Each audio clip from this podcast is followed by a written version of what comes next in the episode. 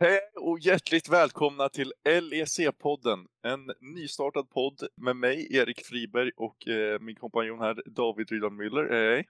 Hej hej! Det här är då en podd om eh, LEC, alltså League of Legends eh, European Championship. Faktiskt och, eh, EMEA Championship nu. EMEA Championship, ja. Som sagt, den här podden kommer hålla på nu eh, under våren. Och sen får vi ta se vad den tar vägen liksom. Vi kommer hålla på en gång i veckan och prata om eh, högsta ligan i Europa. Eh, och vi kommer väl ändå gå ut om det händer någonting eh, speciellt utöver eh, EU också i NA eller Korea eller, eller Kina. Eh, är väl tanken. Men eh, kan vi börja med att fråga David, hur, hur mår du? Hur har du det? Uh, jag mår faktiskt väldigt bra just nu. Jag hade härlig tentavecka förra veckan. Har inte mycket tid att tänka på LEC, men uh, nu är vi tillbaka, högsta hugg. Framåt MAD-klubben. Klubben. Idag så hade vi tänkt att gå igenom lite olika topics och jag kan väl gå igenom dem lite nu då. Vi har ju en eh, omstrukturering i både eh, LEC, MSI och Worlds som vi kanske går igenom lite snabbt och pratar om eh, vad vi tycker, vad vi tror. Har det blivit, en, eh, har det blivit bättre, har det blivit sämre eh, i någon av dem och eh, våra tankar kring det. Sen så har vi ju en het, het off-season som vi har varit med om och då kommer vi väl prata om eh, alla lagen och gå in lite mer djupt i dem och, eh, och se. Eh, samtidigt som vi kanske rankar dem. Eh, vad vi tror, vilka som kommer sluta under, eh, i undre halvan och vilka som kommer sluta topp tre eller i toppen. Ja, eh, och sen så har vi ju lite, vi går mer indept på rollerna just. Eh, vad vi tycker om de har blivit starkare eller svagare eh, generellt eh, och inte mera lagen. Sen så har vi eh, lite awards som vi ska tippa, vilka vi tror i slutet av seasonen som kommer få. MVP, Rookie of the Split och lite sånt, vilka vi vill hålla ögonen på. Sen så har vi en liten prediction, eh, vad som händer första veckan. Det är ju ändå en super week med mycket matcher, så att eh, kommer vi gå igenom vilka vi tror kommer vinna. Och så slutar vi med ett litet quiz, va? Perfekt. Så vi perfekt. har, eh, vi har lite att, att gå igenom här, så att eh, vi kanske bara ska slänga oss rakt in. Låter som en bra idé. Som sagt eh, så har ju LEC gjort en omstrukturering nu i, eh, under off-season. Och eh, det var väl kanske inte jätte, jätte högoddsare på att de, de skulle göra om den utan eh, de har, behöv, har väl behövt ändå göra om en från den bästa vett serien vi har sett. Ja, det ska man definitivt kunna säga. Det finns inte riktigt en... Eh, det finns ju väldigt stor skillnad på matchkvaliteten mellan de östra regionerna, eh, Kina och Korea givetvis, mellan våra, våran fina liga som mest står ut för memesen sedan 2019 åtminstone, där vi kanske var eh, mer av ett powerhouse inom världen av League. Eh, men eh, efter, eh, jag får att de gjorde en byte av eh, commissioner under sommaren, vilket typ tyder lite grann på att det kanske kommer hända någonting. Och eh, ja, relativt nyligen, typ en månad sedan, så annonserade de väl exakt hur de skulle omstrukturera just vår fina europeiska liga. Eh, och eh, det är fortfarande samma eh, totala mängd lag, 10 lag, som spelar först Stage 1, som är en single round robin. Eh, alla lag möter eh, alla lag en gång. Eh, fortfarande bäst av ett i det här eh, scenariot, men eh, det är typ fine. Jag tycker att det är en okej eh, en okej start till säsongen. Och Jo, sen men så... det- Du kanske har Uh, jo, men jag tycker ändå att det är bra att de har kvar bästa vett i början, för att det är ändå roligare att kolla på en bästa vett, speciellt när du har alla lag med. Så blir det ju, det blir ju extremt tråkigt att sitta och kolla på en bästa av tre mellan eh, BDS och Astralis till exempel, om, den inte, om matchen är obetydande. Eh, så att jag gillar att de har kvar bästa vetten och det ger ändå, det ger ändå lite vikt i matcherna också, att kunna ha dem. Eh, det blir lite mer roligare att sitta och kolla. Så kan man ta det. Eh, det jag håller med till den delen. Eh, även om jag förmodligen egentligen hade velat ha en mer säker väg till Stage 2 eftersom att det just bara är de, eh, bara och bara, men det är topp 8 lagen går vidare till Stage 2 och de två sämsta lagen i ligan kommer direkt åka ut. Eh, vilket är väldigt, eh, väldigt stor skillnad från förra, eh, för, från förra eh, tidigare årgångar av LEC. Där de åtminstone hade sina 18 matcher. Eh, ja, det blir ju lite svårt för de som kommer sluta eh, sist här. Det, vi, vi kommer väl gå in på det senare, men det finns ju två lag som står ut där nere och eh, det blir ju jobbigt för dem sen när de går in i eh, Spring Split sen efter den här. att eh, de andra kommer att ha spelat mycket mer, de kommer att ha spelat mycket mer matcher på stage och eh, ja, det blir nog tufft för dem där nere att kunna ta sig ur där och det är väl det som har varit det stora problemet med den här, eh, eller stora argumentet för att det här inte ska funka. Men, men vi får väl se efter första här. Jag tror att det blir bra med tre Super Weeks, kommer bli roligt att kolla på, mycket roligt. Eh, kan du ta oss igenom andra stagen också då? Det kan jag givetvis göra. Eh, stage 2 skulle Bianca vilja kalla för en gruppstage eh, där åtta lagen som nyss kom ur stage 1 eh, spelar i två grupper om fyra lag. Eh, och de här matcherna är dubbel elim eh, och eh, bäst av tres där de eh, då slåss om att komma topp två i gruppen och de som kommer topp två i gruppen går vidare till playoffen som är stage 3. Eh, jag tycker att den här eh, liksom ändringen väldigt mycket för att eh, det höjer verkligen kvaliteten av matcher med bästa tres och bara allmänt bättre lag. Jo, det kommer nog bli extremt bra liv vi kommer få se i den här stagen. Eh, speciellt tanke på att det just kommer vara de bästa lagen som spelar här och det kommer inte vara eh, något blåbärslag så att säga, att, som de stora lagen kommer få möta, utan det kommer ju bli de stora matcherna och det kommer bli bäst av tre vilket kommer göra det extremt roligt att kolla på. Det kommer få, jag tror det kommer gynna LEC viewership väldigt bra att ha sådana här matcher. Definitivt. Eh, grupperna borde ju vara sidbaserade om jag har förstått det rätt, så det borde väl vara ettan, trean, eh, sexan, åttan i en grupp och sen tvåan, fyran, eh, ja, så vidare. Eh, så det borde ju bli jämnt, tänker jag. Eh, det borde inte finnas så här Eh, det finns givetvis favoriter, det kommer vi gå vidare till senare, men eh, det, det, borde vara liksom en level playing field för alla lag i en bäst av tre. Ja, och det borde ju ändå bli, eh, det ska ändå bli intressant eftersom det är så jämn liga i år, så kan det nog bli ändå rätt bra matcher här, tanke på att eh, det just sidats så att, som det gör. Och det gör ju ändå att du måste försöka här, utan du kan ju inte, en match betyder jävligt mycket att förlora, så att du måste ju ändå försöka varje match och uh, alla matcher är viktiga. Uh, och då går vi över på sista och tredje stagen i den här nya omstruktureringen. Och det är ju då att det är de fyra bästa lagen och det är alltså de två bästa ifrån båda grupperna då som går in i den här och det är väl någon slut, slutspel skulle man kunna säga. Och eh, där kör de double elimination. Eh, och här är ju matcherna bäst av fem. Så det blir ju som ett vanligt slutspel. Eh, fast med fyra lag. Och det är väl här det kommer vara...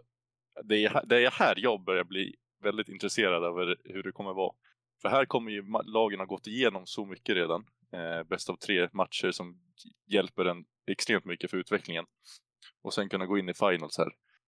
Eh, och det kommer väl ändå, nu har inte jag full koll här, men är inte de som vinner ifrån den här finalsen kommer också gå till MSI? Och det är inte bara Spring Split? Uh, för jag har förstått det som så är det bara Spring Split som går till okay. MSI. Det här är bara en kvalifikation. Det här är en obviously samma sak som att vinna, alltså det här i mitt huvud så är det samma sak som att vinna en tidigare split. Uh, men jag har uppfattat det som att många andra i LEC-cyklarna inte uppfattar det som detsamma. Jag får att du är en av dem som inte tycker att det här är samma liksom prestige som att vinna en split tidigare.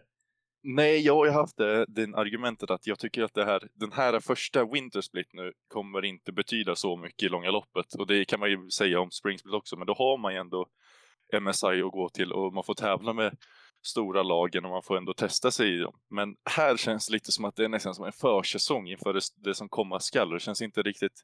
Jag har en känsla av att lagen kanske inte tar det, kommer ta det jätteseriöst. Jag förstår ju att i början första stagen kommer de ta det seriöst och vilja komma ut för att, eh, för att få så mycket practice som möjligt. Men, men efter det tror jag inte det kommer, kommer att betyda så mycket för dem. Men eh, det är bara vad jag tänker. Men jag tänker att det blir lite för meningslöst att ha det. Ja, eh, jag skulle argumentera för att eftersom att du får din, liksom din kvalbiljett liksom bara secured så här tidigt i säsongen till season finals som är den stora, stora ändringen eh, från liksom eh, de tidigare åren där du bara får en splitvinnare och inte liksom en riktig så här massiv split eh, som det blir nu med massiva splitvinsten i slutet av säsongen eh, så måste du ju liksom om du vill säkra din biljett redan nu så kommer du ju kunna göra det här och då måste du vara på absoluta toppen från start. Så det är ju jo. lite skillnad. Det har du ju i och för sig rätt i, men Jag tänker bara det finns ju också sen, det, det är ju sex lag som kommer komma till, ska vi säga, sex lag som kommer komma till den här eh, slutet som är väl den extremt stora finalen. Yep. Det är väl det som alla lagen siktar på nu.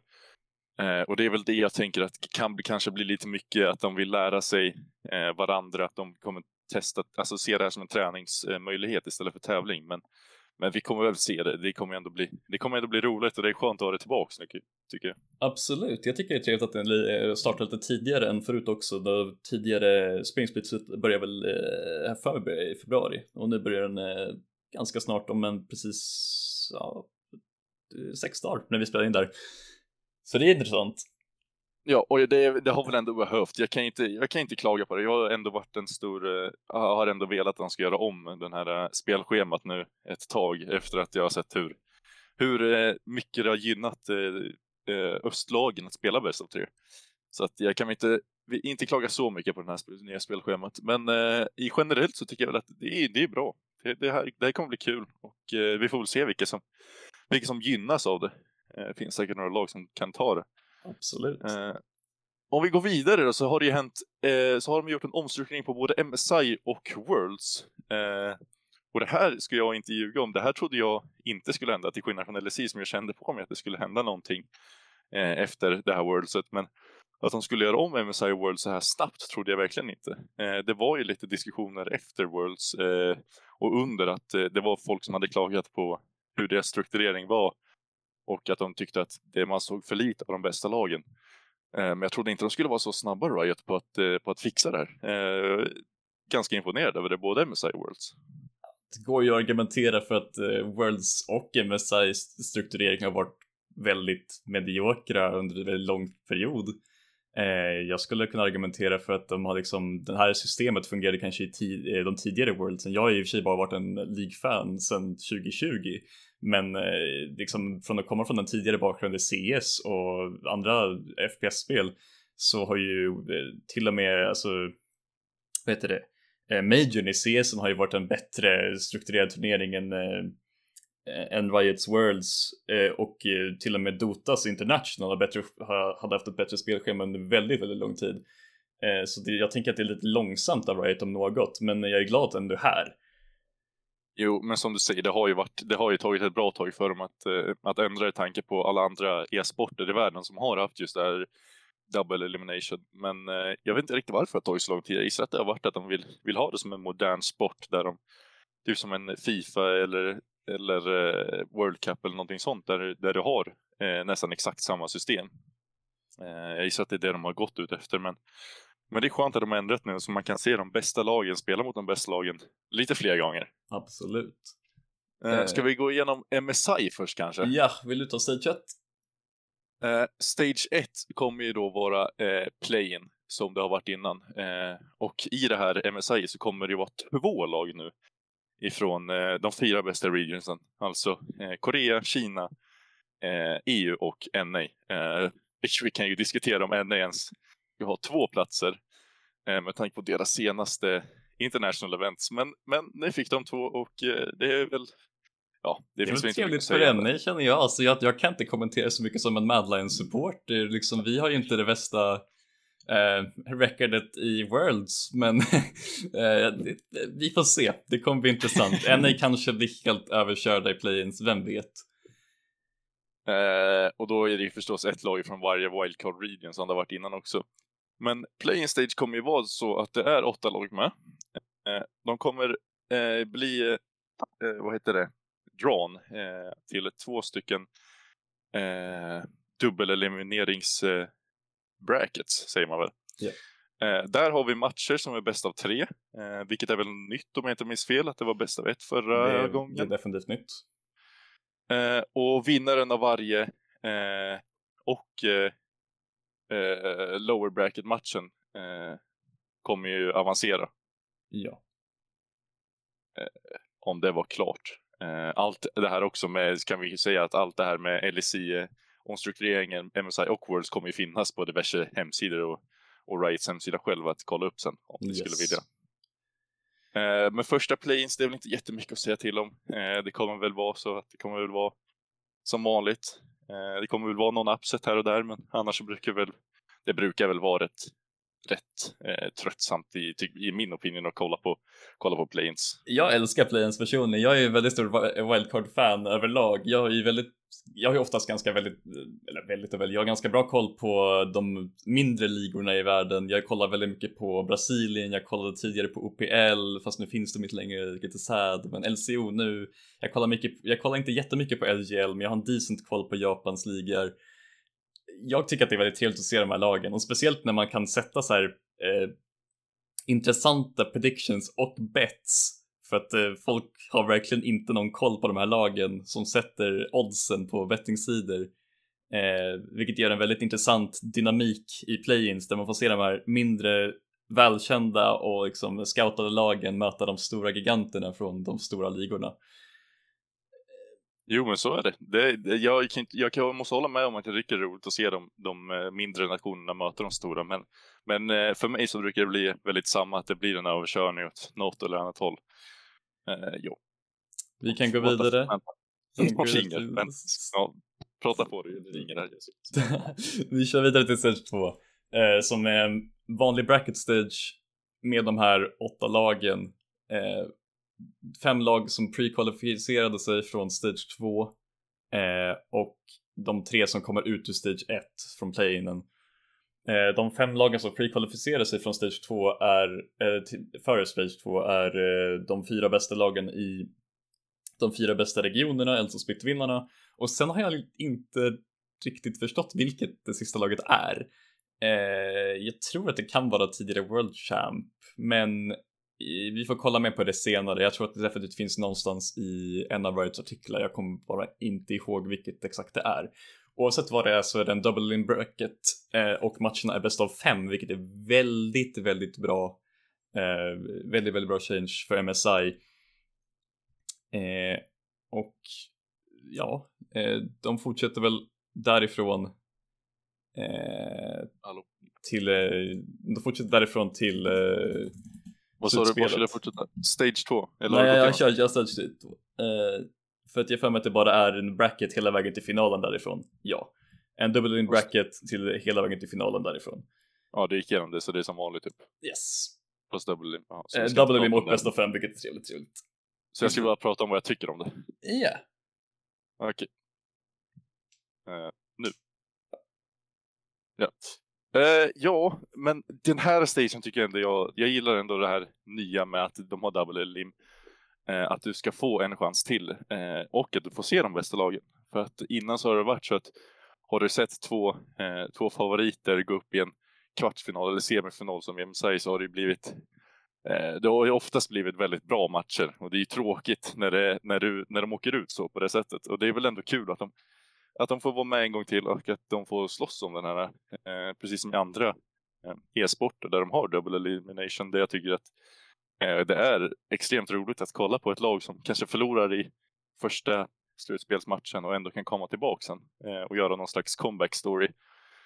Eh, så jag tycker det här är bra. Jag gillar det här och jag är extremt taggad på att se eh, det nya spelschemat in action liksom.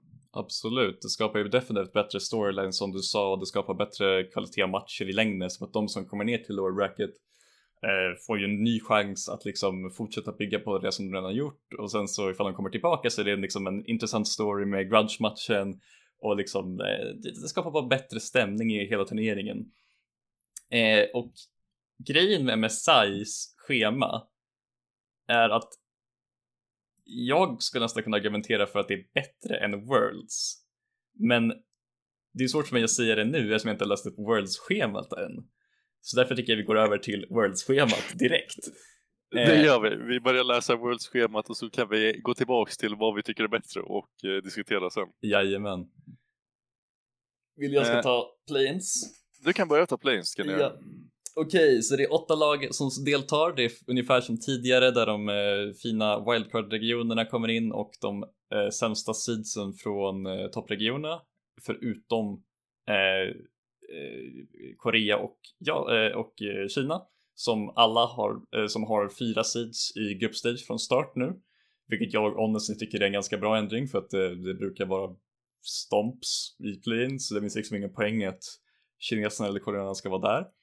Eh, de här lagen blir i alla fall dragna in i double in brackets Eh, ungefär i samma stil som tidigare play-ins men eh, den här gången så är det bäst av tre matcher i dubbel elim istället för en liten eh, round robin turnering.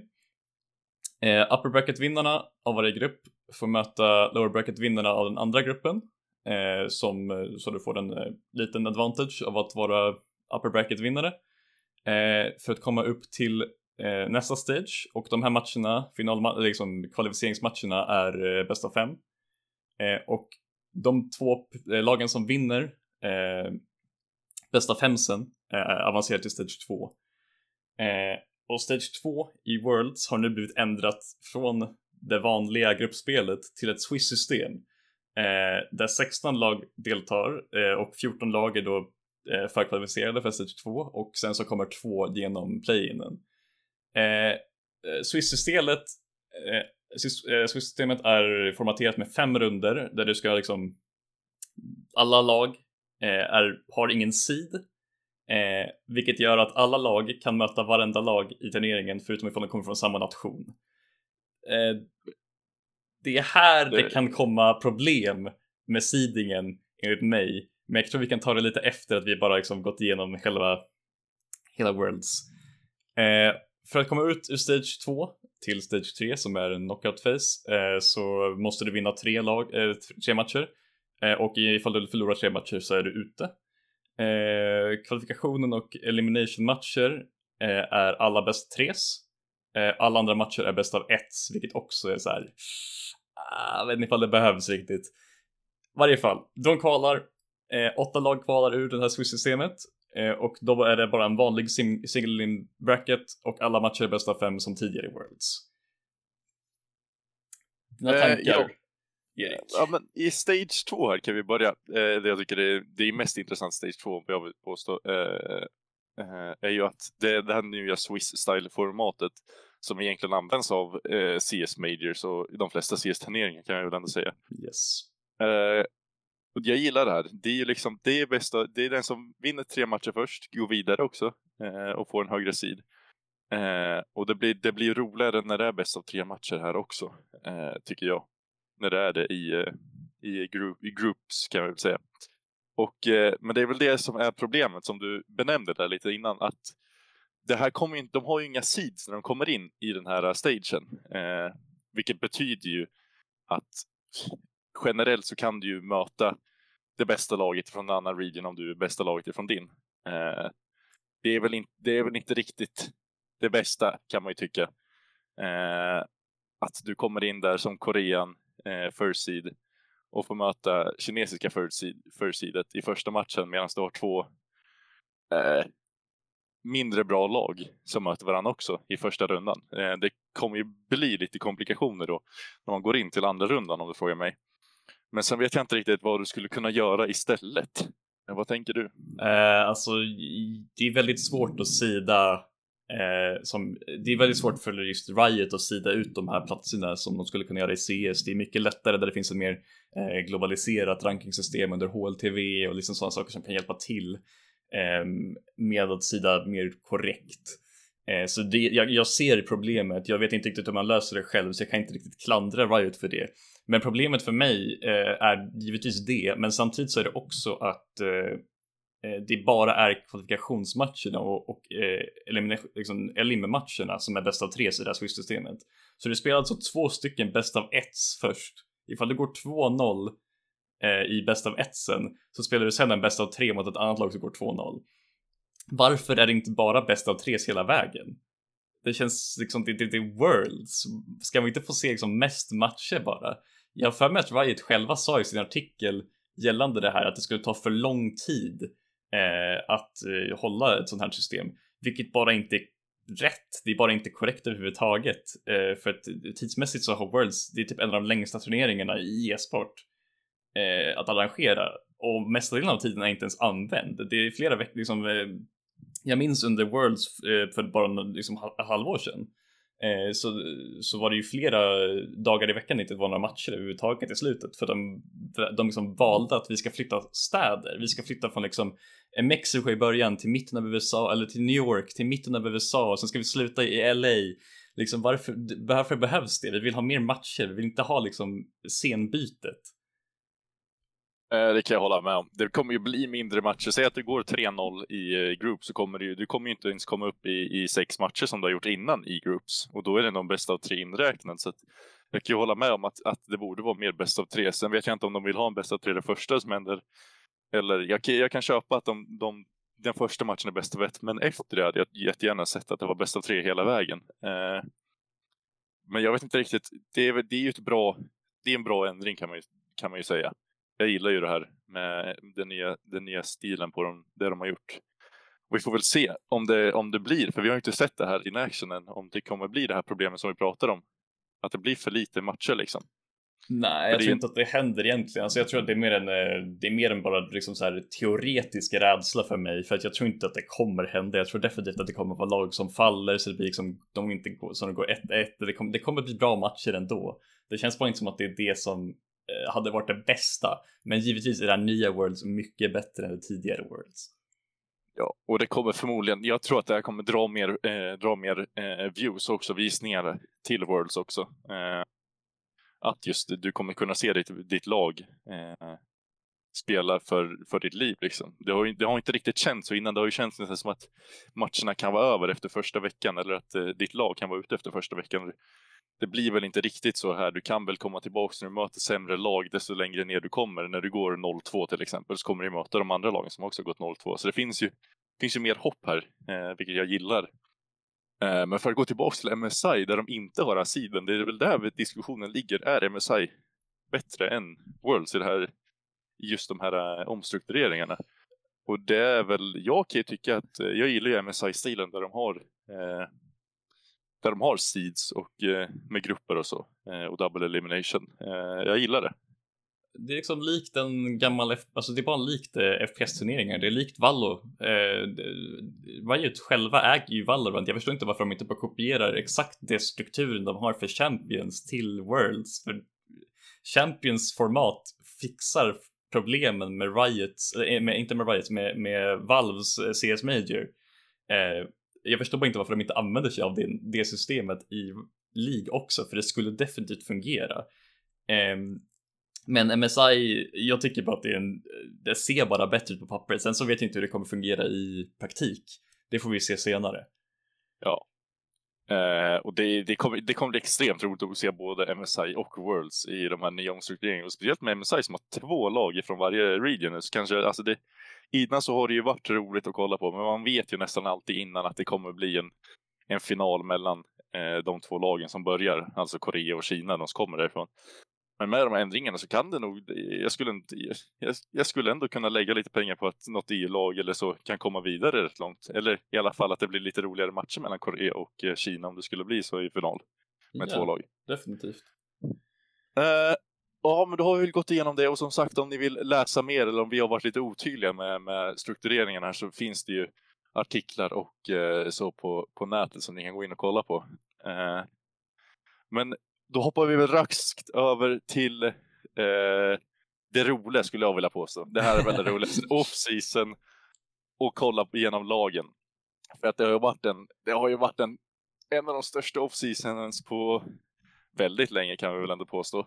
Eh, det har väl hänt extremt mycket som har varit rätt oförutsägbart när man väl kom in i det. Eh, och det har ju varit eh, det har varit lite bråk, det har varit lite, det har varit fina, fina återreunions och det har varit, det, det, har haft lite allt möjligt, eller vad säger du? Ja, absolut, jag håller med. Jag vill bara ge en liten snabb liten eh, tack till eh, de fina journalisterna som gör våran scen perfekt, eh, inte perfekt, men som gör vår scen så jävla livlig i Elise Wulo, Anonymitum, eh, Eros. Det finns säkert fler jag glömmer bort just nu i situationen, men eh, tack så jävla mycket för att ni rapporterar så här.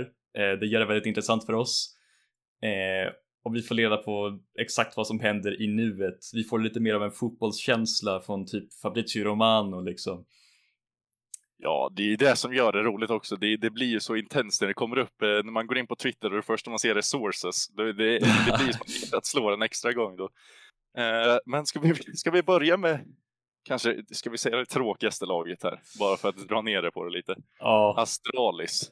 Astralis, Astralis, Astralis det kan gå igenom vad de har gjort. De har ju Finn i toplane. Yep. De har 1-1-3 i djungeln. Mm -hmm. Jong Jun på support. Dior i midlane och Kobe som ADC. Så att eh, botsidan ser ju ut likadant som förra året. Yes. Eh, men då har vi väl det här med Finn och 1-3. Eh, vill, du ta, vill, du ta, eh, vill du ta tag om dem? Eh, jag kan starta med 1-3. Eh, jag eh, har, har varit väldigt kritiska över 113 på min Twitter. Eh, och jag skrev även en artikel på min blogg om eh, varför 1-3 inte borde vara i LEC. Eh, jag anser nämligen att han var den svagaste länken på sitt lag under förra splitten i LFL, nämligen i Carmine Corp. Eh, han var inte, alltså han var inte värdelös i, i LFL-standard, men han är definitivt inte på LEC-kvaliteten när det gäller varken mekanisk play, eh, spelförståelse, liksom timers. Jag förstår inte riktigt vad Astralis ser i honom förutom en potentiell marknadsföringsgrej med för detta Carmine Corp-fans. Men från vad jag såg så var Carmine Corp-fansen inte ens speciellt intresserade av 1-3. Han var inte alls den centrala pjäsen i det laget. Det gick ju definitivt fortfarande till Cabochard, eh, Seiken och din favorit Reckless. Ja, nej. Eh, har några tankar om 1-3? Nej, men jag tycker den här var, värvningen var jätteskum av Astralis, eh, det måste jag påstå. Eh, kan inte riktigt se var de kommer ifrån. Det fanns, ändå, det fanns ändå bra junglers på marknaden som inte var så dyra som du hade kunnat fått för en pengen som du, du lastar upp för 1-3. Och jag kollade ju lite på Kerminko Cup förra året, inte för att eh, jag har ju svårt för Reckless ända sedan han, han lämnade Fnatic för G2 så har jag haft svårt för honom. Men jag, jag kollade lite Kerminko och det är väl inte 1-3 som gjorde det laget till det till det, det var. Eh, och jag, jag vet inte, det, det måste ju vara någon marknadsförings eh, sak som Astralis håller på med här. För jag kan inte riktigt se annars varför man skulle ta in eh, en sån djungel. Han är ju de, dessutom rätt oprövad i, i LSI där det finns andra djungler som har, har haft eh, mer prövning. Absolut. Eh, men Finn däremot, kan jag, Finn blev jag också väldigt förvånad över när han gick till Astralis för att jag trodde att han skulle fortsätta i Excel och det trodde ju han själv också med tanke på hans eh, uttalande här. Vi kan väl gå igenom det lite snabbt att eh, Excel hade ju sagt till Finn att han kommer stanna i Excel det här året och att de inte har någon någon tanke på att, att kicka honom. Varpå Finn då åker på en eh, bootcamp till Korea. Eh, och eh, Excel tar då Odoamne som får lämna Rogue. Eh, varpå eh, Finn blir kontraktslös då, vilket eh, det var väl inte jättesnyggt gjort av Excel kanske. Nej, men det passar organisationen. De är ju ganska kända för att snika spelare. Jag tänker eh, på den senaste var man, måste väl ha varit eh, och vad fan heter han, supporten som nu spelar för ert eh, eh akademilag? Eh, Advian. Advian, just det. Advian vart ju totalsnakad mot Mickey X och sen ja, definitivt hänt tidigare också med Xen, men jag kan bara inte komma på vilka de, vilka de var. Eh, men den orgen är ju ganska känd för att snika spelare så det är inte så superförvånande.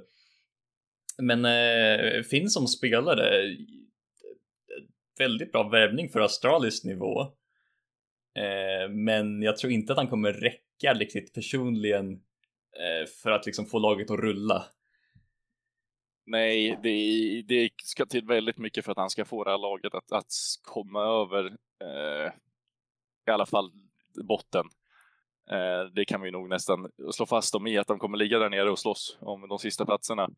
Men eh, det, kanske, det kanske var just det, här Astralis behövde med en, med en som kan carrya. För på senaste år så har ju Kobe Eh, han har ju inte varit den bästa ADCn i ligan kan vi säga efter han kom tillbaka från NA. Så att eh, det kanske var det han behövde. Men jag kan ju se hur Jong Jun, Dejor och 1-3 spelar runt just Finn och då har han har ju potentialen till att kunna ta över games och carrya. Eh, det är väl bara frågan hur ofta eh, de tre kan komma topp och hjälpa honom och, och få den snowballing-effekten. tanke på vilka andra spelare vi har i ligan i det här laget. ja, alltså jag tycker att resten av Astralis är, alltså de är inte dåliga. Det finns liksom inget värdelöst lag i ligan längre som det har gjort tidigare i säsonger. Astralis är inte bra, men de är inte helt trash. De kommer förmodligen, de kommer definitivt plocka något game under den här, eh, de här tre Super Weeksen som kommer. Jag vet bara inte vilket, för jag vill inte betta på dem mot någonting, men jag tror att de kommer definitivt vinna minst ett eller två games. Eh, som du sa, Kobbe kanske inte den bästa av The Carryn längre han är okej, okay. han kan spela ganska mycket, hans champion pool är stor. Eh, Dajor eh, alltså han är ju en av era tidigare eh, akademispelare. Jag tycker att han är helt, helt okej, okay, men han är inte bra. Har du några tankar om Dajor? Nej, han är väl, han är väl, under, han är väl under eh, hälften av, av medelinsen i ligan. Eh, det finns sämre än honom tycker jag. Men eh, har svårt att se att han skulle kunna göra någonting med det han har runt sig också. Det, det är ju, på pappret ser det ju inte jättebra ut. Det ska, det ska vi inte sticka under stolen med, det här laget. Eh, Dajor hade väl någonting någon förra året när han mötte just eh, Fnatic och eh, jag fick se first hand vad, eh, vad han kunde göra med sina Engage Champions och eh, Assassins. Eh, det är väl just det han, han, han kommer spela och hjälpa Finn. Men eh, ja, det finns väl inte så mycket mer att säga än år så att de kommer ligga där nere och kriga om om de sista platserna. Eh. Jag vill bara slänga in en liten, liten, eh, liten, liten praise till till Jonghun som jag honestly inte förstår vad fan han gör kvar. Jonghun var definitivt en av de bättre supports i ligan förra säsongen. Han var definitivt i typ topp 6 området. Eh, hans spelstil är mycket intressant, mycket ro- alltså den är rolig att titta på. Han har liksom en ganska bred champion pool ändå som jag inte förväntade mig efter att han först så började han bara spela engage supports, vilket är roligt att titta på enligt mig och förmodligen den spelstilen jag tycker att Astralis borde hålla sig till eh, med roaming och playmaking från Jonghun. Men han kunde även spela liksom Enchanters till en relativt hög nivå, kanske inte ens i samma höga nivå som på, på Engage, men eh, han är honestly en ganska bra pick för vilket lag som helst om de vill göra ett supportbyte senare i säsongen. Jag hade ju förväntat mig att eh, Jonghun skulle hamna i något av de större lagen Eh, och vi kommer ju komma in på det senare, men, men till exempel Fnatic som tappade sin support eller valde att inte resigna med honom, trodde ju jag att han skulle, skulle kunna ha en chans att hamna i, men eh, så blev det inte, utan han blev kvar i Astralis. Eh, så vad säger vi om Astralis? Säger vi att de hamnar eh, 9-10 området? Jag skulle, ja, det måste vi väl ändå komma överens om att de, de kommer inte komma, komma vidare med tanke på de lagen som ligger över, utan Nej. Det blir väl att slåss om en nionde plats i så fall. Eh, och det är väl det är väl där de har varit de senaste åren och det är väl där vi ser dem hamna i år också. Yes. Då går vi över till det nästa laget som vi ändå, vi, vi, kan väl ändå säga att de också nu i början att de kommer också hamna där nere med Astralis och slåss om de sista två platserna. Och det är ju förstås BDS. Eh, även fast de har gjort bra, de har gjort väldigt bra, bra affärer nu i, i eh, off-season kan man ju tycka. I en vanlig säsong skulle jag ändå vilja påstå att BDS hade varit med och slagit som en, eh, eh en playoffs, playoffsplats. Men med tanke på hur stäkt eh, resten av ligan är så kan jag faktiskt inte se att de kommer högre än i alla fall sjunde, åttonde plats. Jag vågar hålla med om det. Jag tycker att BDS lag honestly är ganska okej. Okay. Som du säger hade jag ändå satt dem som typ ett vanligt 6 eller 7-8 lag i en vanlig säsong. Men nu är det svårt att argumentera för dem högre än kanske max 8-7. Eh, det är i och för sig samma sak, men de, de kunde jobbat, jobbat för vanligt playoff i, i en vanlig säsong.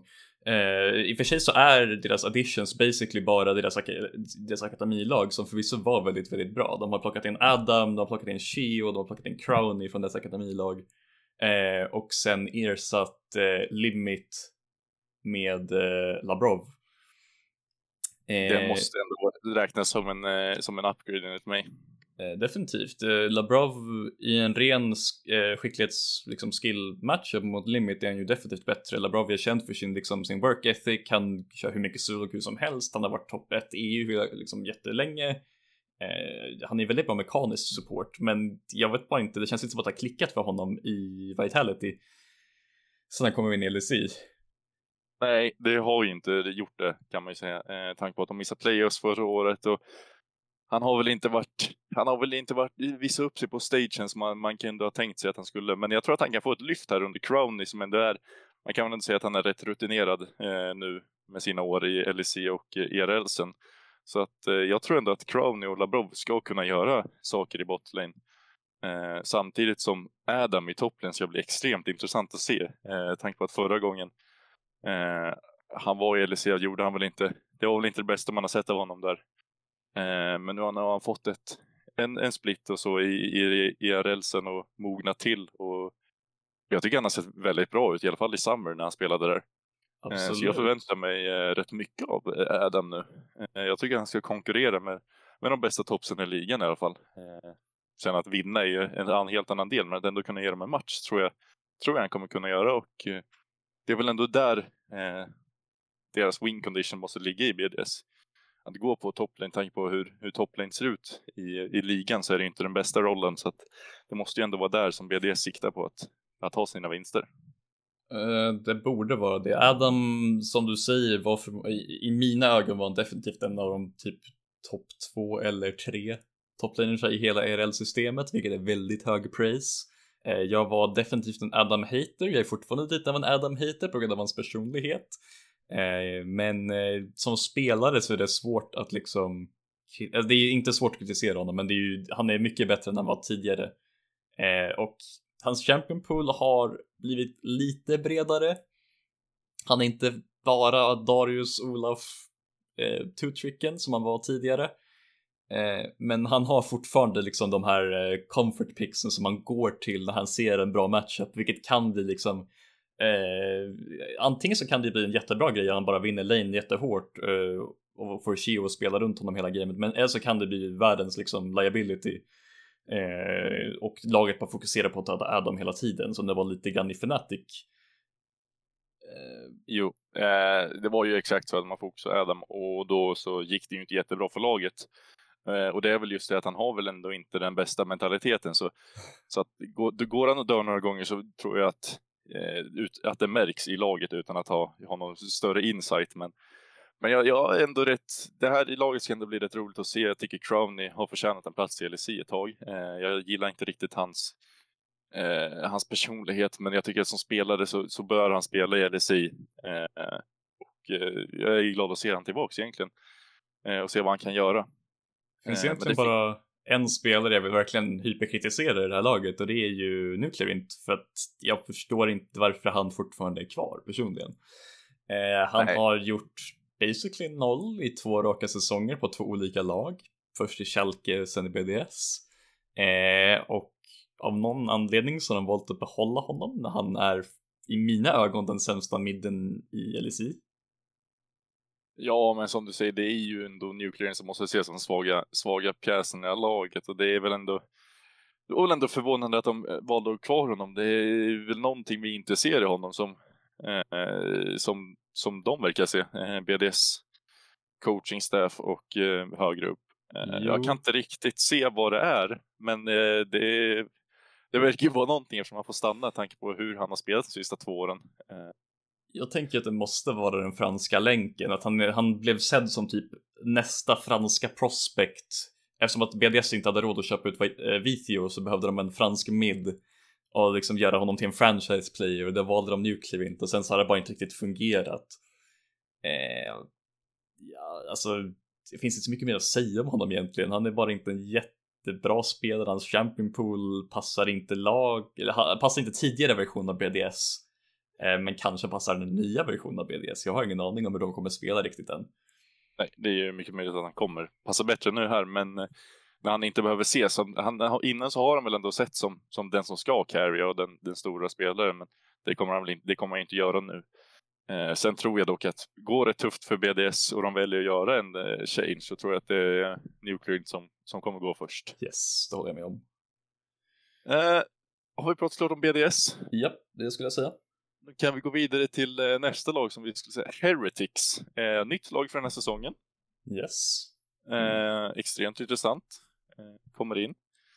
Eh, och de har ju gjort, de har ju gjort en rätt bra business kan man väl ändå säga. De har tagit in eh, Iwai från japanska ligan i toplane. Sen har de tagit in eh, Jankos som djungel. Som, ja, det är väl ändå rätt sjukt att, att Jankos hamnar i ett lag som Heretics. Eh, sen har vi i midlane har vi Ruby. Eh, Mur, eh, vad heter det, Jack Spettra på ADC som egentligen får sitt eh, LSI-kontrakt och Mersa som eh, support. Vad säger vi? Uh, ja, det finns ju mycket saker att kommentera på här om Heretics. Jag tror först så kan vi bara så uh, kompositionen av personer i det här laget. Vi har Evi som eh, är uh, eller Ebbi. Jag kommer fairly säkert uttalas Ebbi egentligen, men för sakes skull så tänker jag bara säga Evi. Eh, han är ju en eh, legend inom den japanska scenen och förmodligen den mest eh, skick, liksom, eh, skillskickliga eh, spelaren från Japan i historien. Kanske uppe där med Jutapon som ändå var eh, som är D5 AD Carry och en legend i sin egen rätta. Ehm, eh, men en kombination med en, en japan, eh, en korean i mid och sen tre EU-spelare. Jag vet bara inte riktigt hur kommunikationen kommer fungera. Eh, även om jag har sett videor med Evin när han snackar engelska där han låter helt okej okay i vanligt tal. Jag vet inte hur det kommer fungera liksom i eh, liksom det mikronischade ligperspektivet. Liksom perspektivet. Och jag har aldrig hört Ruby snacka engelska personligen, så jag har ingen aning om honom. Nej, som jag har förstått det dock, eh, enligt eh, vad jag har hört av mina sources så kommer, eh, ska det inte vara helt klart mellan Ruby och eh, Swyru, eh, som är deras Academy midlaner, om egentligen vem som kommer, kommer spela sen. För vad jag förstått det som så har Swyru varit väldigt eh, arg på Heretics ledning över att de gick för Ruby istället med tanke på deras historik i, eh, i Masters där Swyru egentligen gapade eh, Ruby.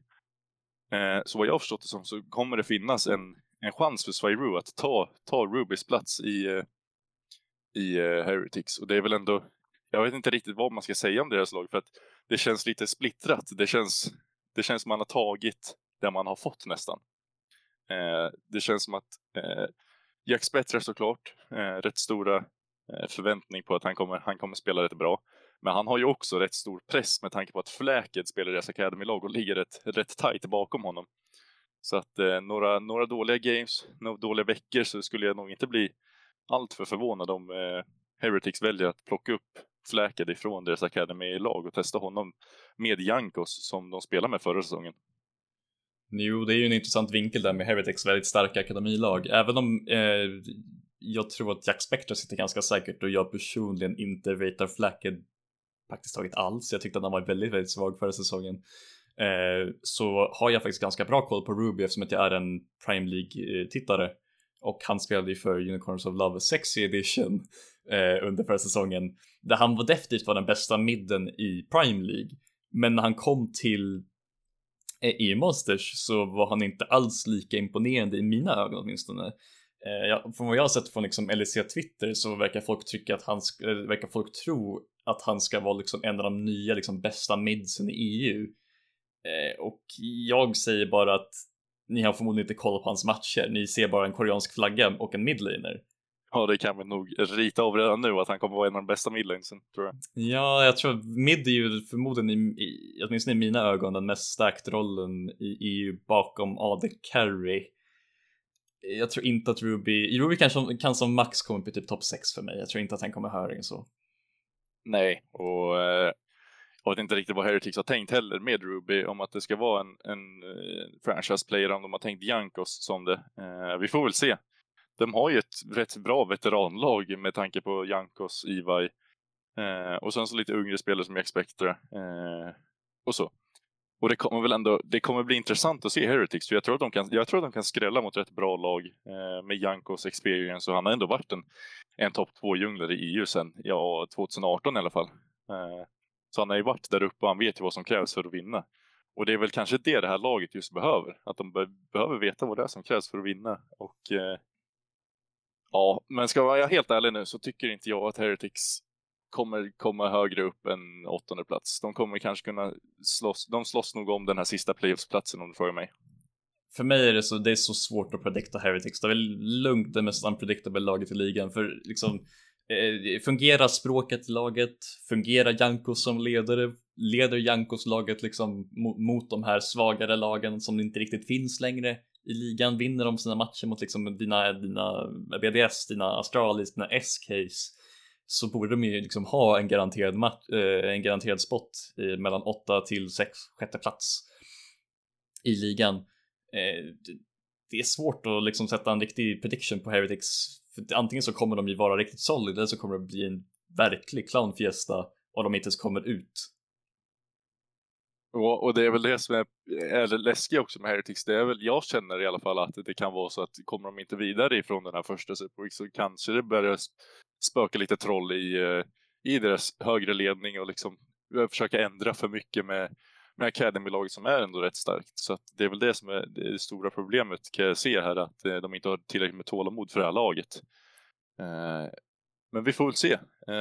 Det ska bli spännande att se Jankos in i, i ny, nytt lag. Se vad han kan göra nästa lag på listan har vi ändå SK som eh, får väl ses som en av de större vinnarna av eh, den här offseason. Absolut. Eh, I mina, I mina ögon så, jag skrev en artikel om SK eh, innan de hade gjort sina signings, men de gjorde ändå liknande signings till vad jag förväntade mig. Eh, jag har väldigt höga förhoppningar för den här linan, fast inte just inför vintersplitten. Jag tror att det här kommer vara, ifall de behåller samma lag eh, hela vägen till Summer så tror jag genuint att de kan vara en ganska bra, bra lag med liksom utvecklad talang i Exokick, Irrelevant, Marcoon, Certus, all, alltså alla spelare på deras lag, förutom kanske Doss i mina ögon, har ganska hög skill ceiling. Ja, och du benämner ju det här. Det här gör mig så fruktansvärt arg när jag såg eh, att de byter ut Turrets mot eh, supporten DOS.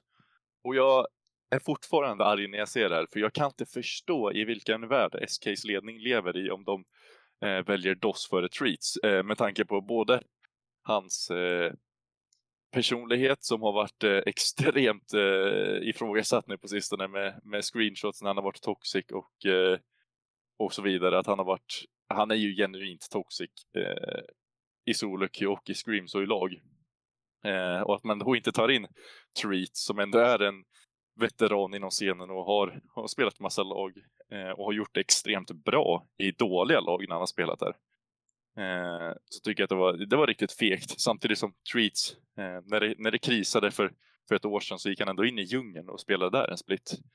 Så jag kan tycka att det är riktigt, det är fult av eh, SK att signa DOS istället. Eh, jag tror inte det kommer gynna dem i, i slutändan heller. Men eh, om vi går över på, på laget i helhet så gillar jag det.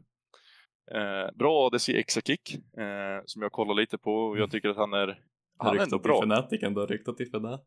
han var riktad till Fnatic ett tag, men jag hade ju hoppats på att vi skulle gå för honom, men vi gick för en annan. Men det kommer vi in på lite senare, vad jag, vad jag har för tankar kring det. Amen. Eh, men extremt, extremt bra ADC som har väldigt stor potential. Jag skulle hålla eh, Exakick lite högre än Jack Spectra, även fast de kanske är på samma nivå. Eh, fast jag ändå har hört på, på Twitter och diverse artiklar att eh, Jack Spectra är bättre än Exakick, vilket jag inte håller med om. Eh, sen så har du Irrelevant i toplane som eh, kommer få, han kommer få eh, bra, bra, spela runt honom. Han kommer bli bra. Eh, jag är nästan hundra på att till sommar så kommer han vara eh, uppe och tävla om bästa topplaners i, i ligan. Eh, och det tror jag stenhårt på. Eh, samtidigt som Morcoon, extremt bra djungel, eh, blev eh, glad när jag såg att han fick, fick eh, hoppa in i ett sånt bra lag som SK. Trodde för en sekund att han skulle hamna i, no hamna i något mindre bra lag. Verkligen. Jag trodde han skulle hamna i vårt lag, jag trodde han skulle hamna med. Jag var så jävla, liksom, jag var bergsäker på att eh, vi hade sålt, eller jag gör tidigt i, tidigt i säsongen eh, och vi skulle få Markun till oss. Men, jo, eh, i början så trodde, trodde jag också att de skulle komma till, till G2 eller någonting sånt. Men efter det, när jag började se att eh, det var ingen som tog upp honom, så tänkte jag, oh, nej, det kommer bli som, som en Finn till exempel, som hamnade i Astralis eller någonting sånt. Men jag är glad att han fick ändå ett, ett bra lag. Där. Det här laget, som du säger, kommer ju vara med i Summer i alla fall och, eh, och utmana. Ja, jag skulle väl ha min vinkel på Doss Treats. Jag tycker inte heller om Doss. Jag tycker att han är, han är definitivt sämre mekaniskt än Treats. Treats har en bättre aura i ett lag. Han är en ledare. Han är liksom, han har en bra influens på social media överlag. Han pratar med fansen. Han, liksom, han har varit SKs typ språkrör under de här senaste splitsen.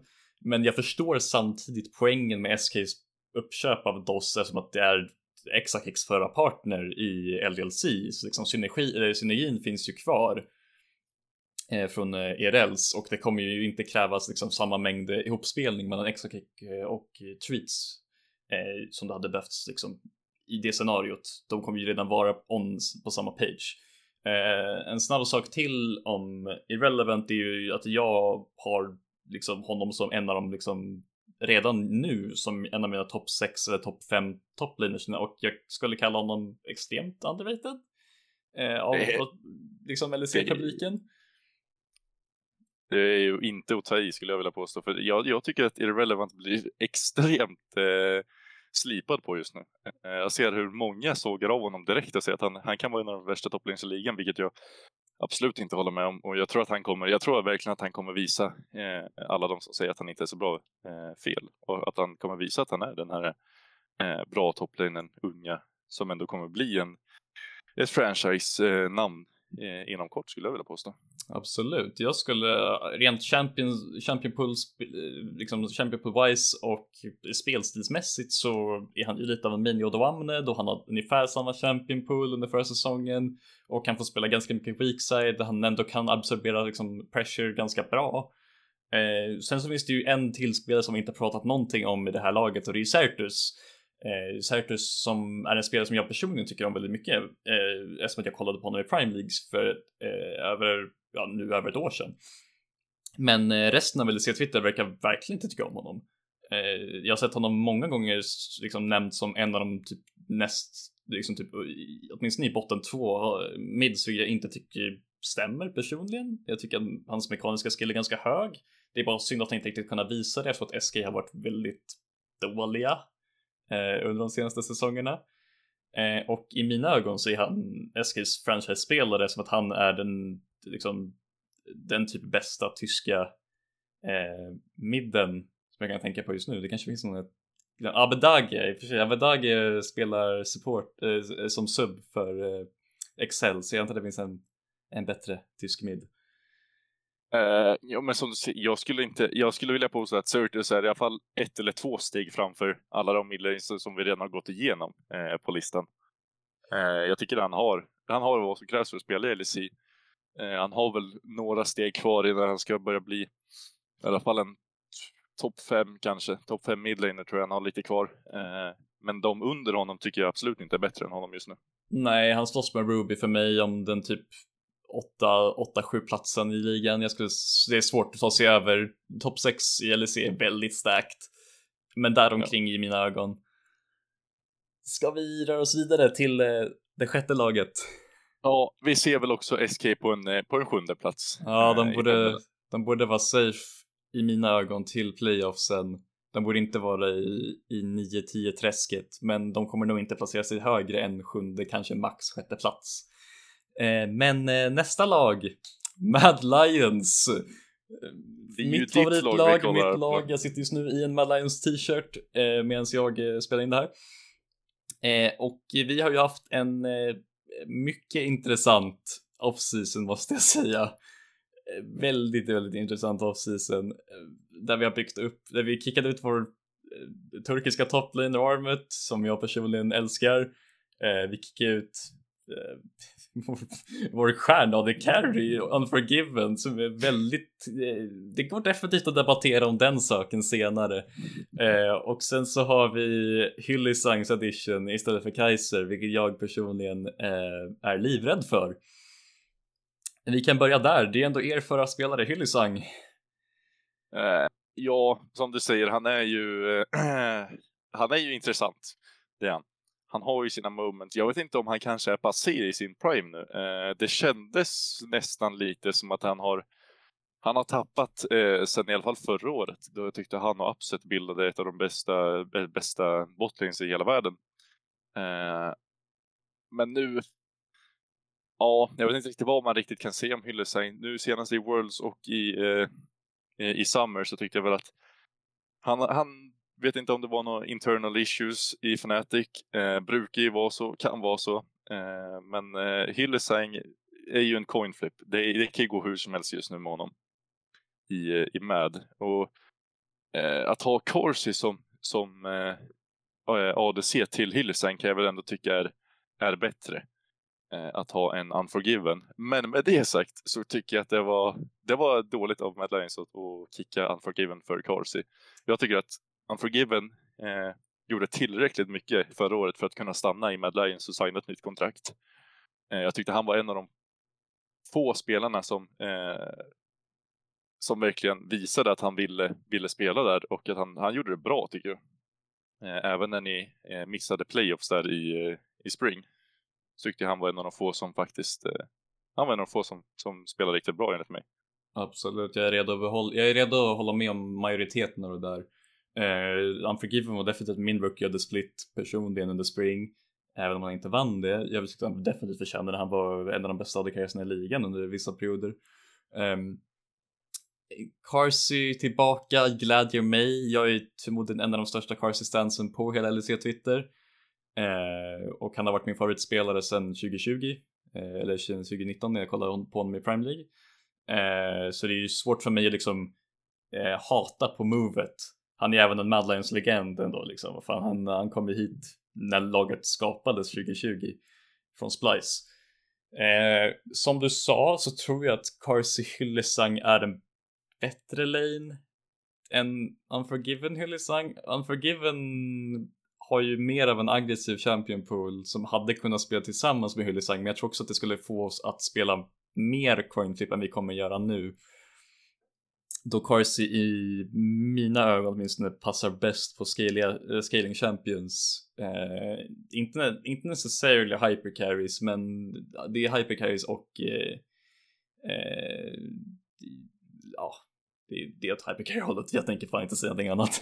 Eh, men eh, resten av laget, vi behåller Eljoja, Niski. Eh, jag anser att det är rätt.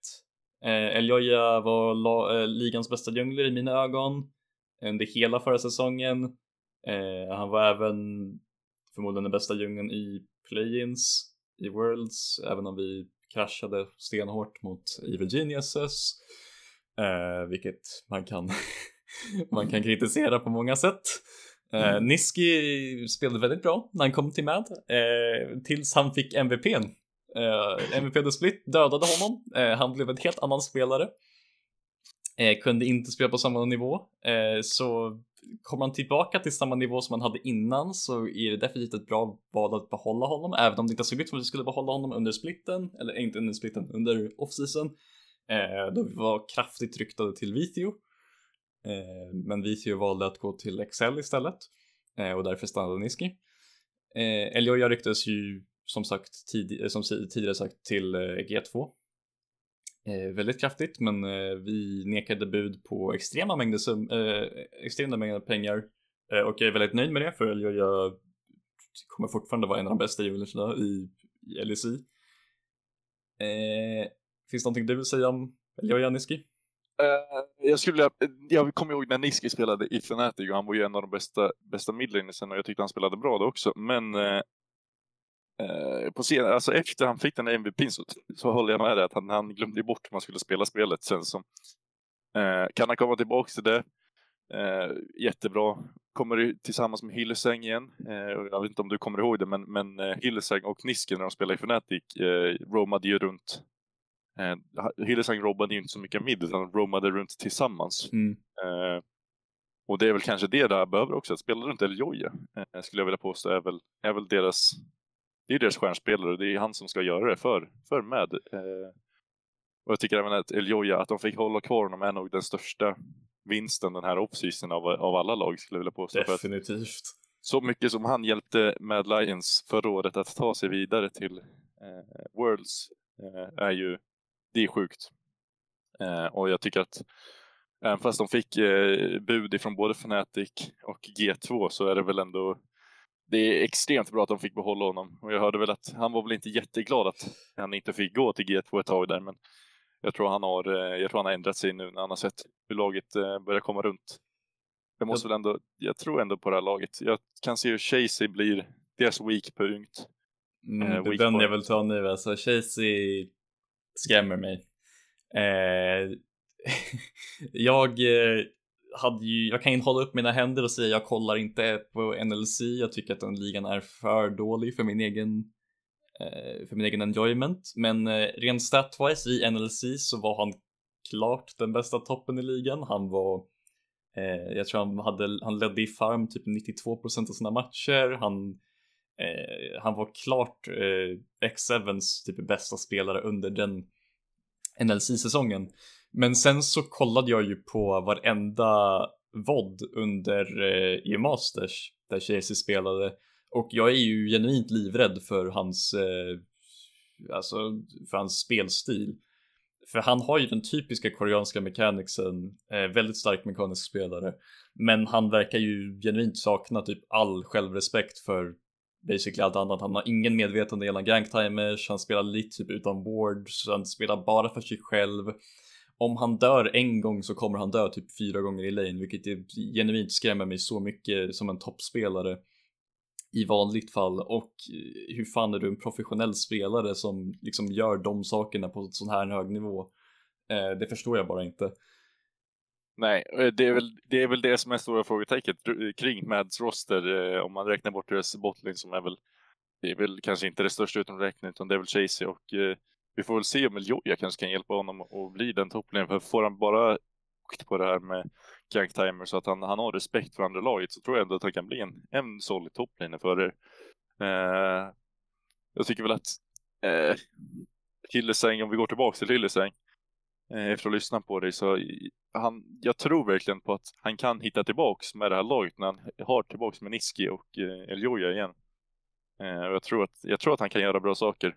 Mm, Frågan definitivt. är bara om, eh, om ert lag kommer att vara med på de sakerna. För att det, det är ju, jag skulle vilja påstå att du behöver, du behöver spela med honom ett tag för att eh, eh, för att lära sig hur han fungerar. Så det är väl kanske det som är lite läskigt nu i första splitten. Ja, det är det som är coinflip i den första superweeken. Det är det som kommer välja ifall vi förlorar mot Astralis eller ifall vi vinner mot Vitality.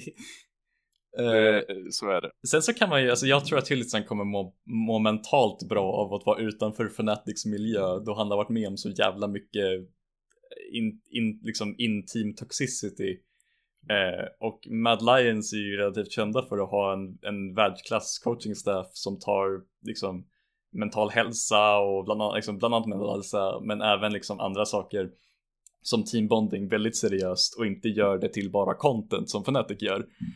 Eh, jag tror att han kommer kunna visa sig komma tillbaka till sin liksom, högsta nivå, eller kanske inte sin högsta nivå, jag tror att han tyvärr är lite ute, utanför liksom, sin prime, lite för långt utanför sin prime nu, men han kan komma tillbaka till en hög nivå i MAD.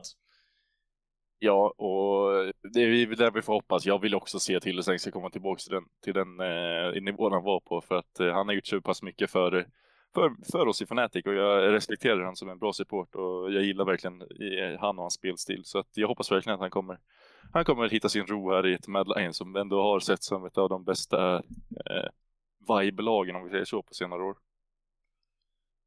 Är vi klara med Mad, då ska vi hoppa vidare till nästa lag. Ja, men det tycker jag väl. Och det är väl, nu är vi över på mitt Fnatic här och det är väl, här kommer ju jag bränna av lite känns det som. Jajamän. För att eh, Eh, Eh, vi gjorde ju lite roster changes eh, nu under splitten. Eller nu under off-season. Så att vi behöll Humanoid, Razork och Wonder, eh, hela vår topside.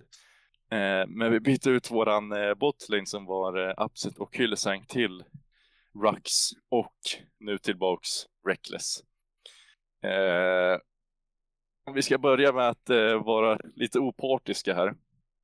Eh, så det är extremt svårt för mig, men lite opartisk här, så jag kan ju förstå att det var botlinjen som behövdes eh, ändras på eh, off-season. Tanke på att vad jag har hört inifrån så har eh, det, det, har varit lite problem mellan botlane och eh, toppsidan av kartan för att eh, toppsidan vad jag har förstått som vill spela mer runt Humanoid eh, och Razork medan eh, som vanligt eh, vill Upset ha resources och eh, Hylesang eh, vill ju också ha det utan eh, så att eh, det blev lite konflikter eh, som letade ju upp en i eh, botlane här i, i off-season och eh, jag var inte jättenöjd med någon av dem de tog in utan eh, ja, du får börja så, så hoppar jag in sen igen. Ja, eh, jag kan först bara dra en liten snabb grej om topsiden. Jag tycker att Humanoid är världsklass, genuin världsklass i sin peak. Han är förmodligen EUs bästa mid i mina ögon när han actually spelar på sin högsta nivå. Eh, Caps är förmodligen en bättre mid eh, overall, men i mina ögon är Humanoid förmodligen LCs bästa mid när han actually bryr sig om att spela spelet. Eh, Razork i mina ögon är eh, helt okej. Okay. Jag förväntade mig nästan att de skulle eh, byta ut honom för att i mina ögon så fick han bara tillbaka form eftersom att metan skiftade till Poppy Wukong, eh, någonting som han trivs väldigt bra på. Men eh, jag tror att eh, Razork kan vara fine här. Eh, Wonder fortfarande okej, okay, men eh, han är liksom inte i sin peak längre. Jag tror inte att han bryr sig tillräckligt mycket för att komma tillbaka till sin peak på riktigt. Där han faktiskt var en världsklasstopp under 2019. men han är fortfarande solid, han är definitivt en av de bättre topsen i ligan. Eh, och sen kan vi komma tillbaka till det som faktiskt är det viktiga med Fnatic, just eh, Reckless Rocks. Eh, I mina ögon så är signingen av Reckless eh, väldigt bra i isolation, men att slänga ut Upset känns extremt dumt i mina ögon då Upset var den klart bästa AD carryn i Europa och en av de bästa AD eller han var definitivt den bästa AD carryn i Europa fram tills Worlds då Comp kanske gick över honom. Eh, men eh, Upset var definitivt en av de typ 10, 10, 7, 6 bästa AD carrys i världen under den här perioden. Eh, och Reckless eh, är fortfarande definitivt elit men frågan är bara om han verkligen har samma höga peak som han hade liksom om vi går tillbaka typ två år, tre år. Eh, jag personligen har ju inget emot Reckless överhuvudtaget, tycker att det är trevligt att han kommer hem till Fnatic. Eh, och, och, sen så sa han ju i sin intervju inför showmatchen häromdagen eh, att han aldrig kommer lämna Fnatic igen för han, när han eh, går i retirement. Eh, vilket är trevligt att veta som en Fnatic-fan. Eh, eller inte, det kan man ju säga att eh, det, här, det här blir jag extremt arg på. Eh, men för helvete så ringer det igen. Ja men det är lugnt, jag kan fortsätta på Rux. Okej, okay, nice. Uh, Rux i sig är ju ett frågetecken för mig. Uh, jag förstår inte riktigt alls varför de väljer att satsa på honom nu. Eh, han har varit i Fnatics akademilag hur länge som helst. Han är 26 år gammal. Jag vet att e-sportens eh, åldersgrej är lite liksom uppblåst. Det finns liksom ingenting som eh, rent eh, vetenskapligt säger att du inte ska kunna spela eh, professionell e-sport när du är äldre än X ålder. Men eh, det måste ju finnas någonting i varför han inte spelat LEC förrän han är 26 i, i mitt huvud åtminstone. Eh, jag har egentligen bara sett någon spela i Worlds för att eh, LVP, den spanska ligan, är den ligan jag kollar minst på i IRLs. Eh, så under Worlds så såg han okej okay ut. Det kändes som att han gav laget eh, en viss stabilitet som bara saknades med Hyllisang på planen. Eh, men det känns fortfarande som att det här, det var lite mer av en Eh, Där är jag tillbaks. En, om Rux? Jajamän. Eh, om en new manager bounce som man kan säga i fotboll när det kommer in en ny coach i ett lag eh, och laget plockar resultat direkt. Det är lite det jag känner att Rux gjorde när han kom in i Worlds eh, när Hyllisang inte kunde spela. Har du några tankar om Rux och eh, Reckless, Erik? Uh, jag har ju det. Uh, nu, nu släpper vi det opartiska för nu, nu klarar jag inte av det. Men jag tycker att Eh, Eh, efter det vad Reckless gjorde på oss så tyckte jag att eh, han, jag tyckte han pissade direkt på, på oss och på klubbmärket. Eh, eh jag vet att det inte finns, jag vet att jag är extremt ensam i den här eh, taken på i e-sport-communityt, men eftersom jag kommer från traditionell sport eh, och lever ändå rätt nära en traditionell sport så, så tycker jag att det var, det, var, det var jobbigt att se Reckless gå till G2 eh, efter allt han hade gjort och efter allt Fnatic hade gjort för honom. Eh, tycker att det var riktigt det var dåligt att han gick till G2. Eh, och sen blev kickad därifrån. Eh, gick till Cormine Corp. Jag var rätt glad, skadig glädje. Eh, jag tycker att Upset är ett radisgen hästmilar. Men jag kan förstå att vi inte vill ha kvar Upset eller Hyllesäng. Men, men det tar ju inte ifrån att vi skulle ta tillbaka Reckless, som jag egentligen inte tycker är ens är den bästa ERL ADCn. Eh, jag tyckte det fanns bättre på marknaden. Jag tycker vi skulle gått hårdare på en, en sån som Exakick eller, eller någon annan. Eh, men nu fick vi Reckless. Eh, och det är väl, jag har sagt så innan att eh, det enda sättet Reckless kan få över mig igen, det är att om, eh, om han vinner MSI med Fnatic så kan jag, är vi neutral igen. Vinner han eh, Worlds med Fnatic, då är jag fanboy igen alltså. Eh, och det är väl någonstans där vi landar att jag tycker inte Reckless håller för ett topplag i LSI just nu. Eh, jag tycker att vi skulle satsa på någon yngre som har potential till att bli en bättre. Eh, vi har ändå eh, en eh, rutinerad i Wonder och jag skulle ändå vilja påstå att Humanoid måste vara rutinerad nu också. Eh, efter så många år i LSI som han har varit på toppspelare. Så att eh, jag vet inte riktigt vad jag tycker om, om signingen av Reckless utan och inte heller av Rux som jag tycker att jag hörde att du pratade lite om det här med när man tar in en ny fotbollstränare, till exempel att man får en honeymoon face typ. Ja. Och det, måste, det är ju ändå, det är ändå det som har hänt med, med Rux i Worlds. Jag vet inte om vi går på bara Worlds-matcherna, för det är ju extremt om de frågar mig. Vi mötte ett NI-lag som inte hade kommit in i det än och vi mötte ett wildcard-lag. Eh, båda de matcherna spelade Rux med upset. Och jag kan ju inte säga att jag är jätteglad över den signingen med tanke på vilka andra supports vi kunde ha tagit in den här offseasonen och även han som spelar i vårt Academy-lag just nu, Advien, tycker jag är extremt mycket bättre än Rux. Eh, så jag vet inte riktigt vad vi har gått på Rux, om det har varit de två matcherna, för då tycker jag att det är ett större problem med vår ledning. Eh, om vi skulle gått för honom där. Eh, jag kan inte säga att jag har kollat jättemycket på, på vårt Academy-lag under året, men när jag har gjort det har ju inte Rux varit den som har stått ut eh, störst i det här laget heller. Så jag förstår inte riktigt vad vi ser i honom eftersom han, han är inte så ung heller för att utvecklas utan eh, han är fan han en av de äldsta spelarna i ligan. ja, han har ju inte jättemånga år kvar om vi säger så. Inte för att vara eh, dum mot honom på något sätt, men eh, det var väl kanske, vi, det är ju den här typ av botlane som vi skulle haft in. Men allt i hjärtat säger ju nej till både Reckless och Rux vid det här laget. Rux kan jag förstå att vi tog i. Jag har större förståelse för Rux än Reckless. Eh, jag tycker det var lite, det var tråkigt och eh, speciellt när man sa att eh, han kommer stanna livet ut i Fnatic. Eh, kan man hoppas på att det inte är sant.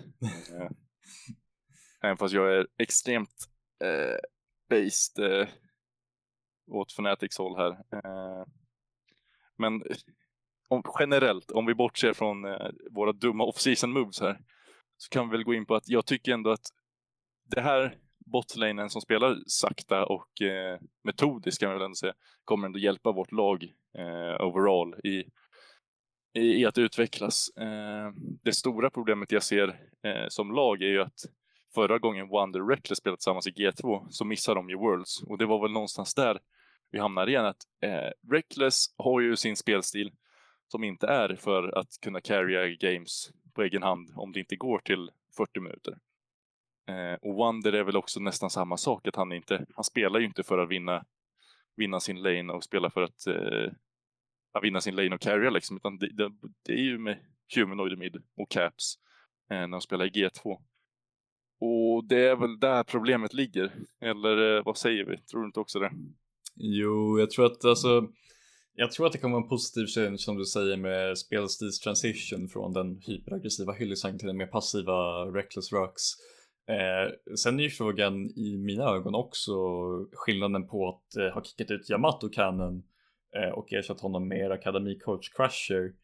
Jag har ju personligen som sagt, eh, som tidigare sagt, inte tittat jättemycket på LVP så jag har ingen aning om hur eh, effektiv Crushers instruktioner är för ert akademilag. Men jag, jag, kan ju fortfarande se eh, liksom, processen av att promota både Rux och akademicoachen samtidigt som liksom får någon typ av eh, synergi där också.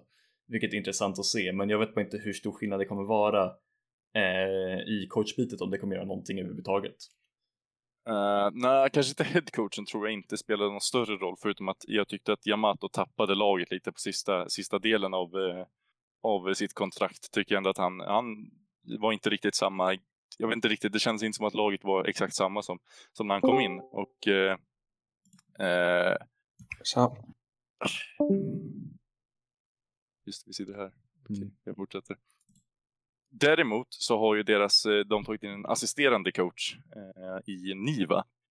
Eh, och vad jag har hört eh, av honom så ska han vara en av scenens bästa assisterande coacher och han har hjälpt extremt mycket med, eh, med Misfit som han var innan.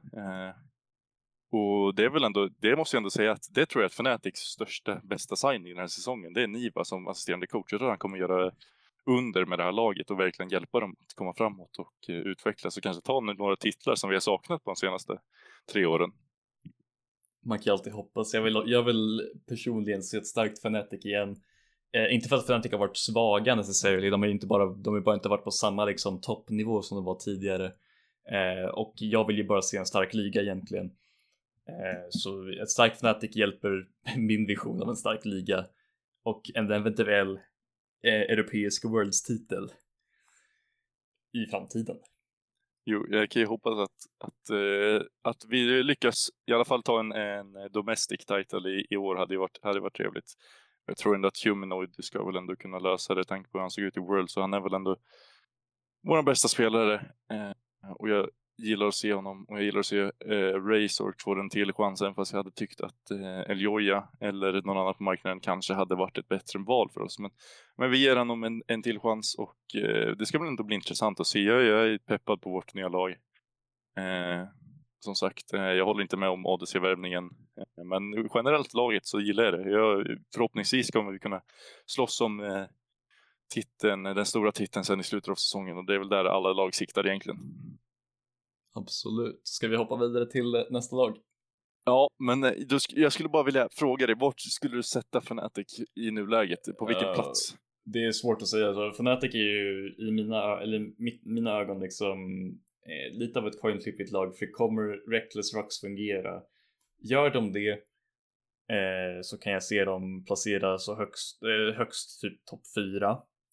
Eh, annars så kan jag se dem slåss med MAD runt eh, 6-7 6-7 någonstans där omkring. Person, hur, hur ser du på det? Uh, jag ser ju Fnatic som en en, eh, en topp 5 en top kandidat. Jag skulle påstå att Fnatic har Eh, ska, ska komma över Excel. Eh, de ska slåss om G2 topp 3 första splitten här i Winter. Jag tror att det blir svårt att rubba på eh, Koi och Vital som vi kommer komma till sen. Men, men jag hoppas ändå och tror att de kommer kunna slåss om en, om en tredje plats med G2. Yes. Ska vi hoppa vidare till nästa lag? Det gör vi och det är ju såklart Excel. Eh, Excel som har gjort monster off-season om vi får säga det så de har ju i alla fall, de har ju spelat nästan eh, football manager fast i LSI här. De har ju plockat extremt bra spelare och satt ihop eh, ett av de bästa lagen i Europa just nu. Absolut, jag är genuint chockad över hur bra Excel har lyckats få upp det här laget på papper. Man kan ju alltid hoppas att det kommer fungera lika bra som det ser ut, men eh, jag har väldigt svårt att se det att det skulle kunna gå eh, speciellt dåligt för det här laget.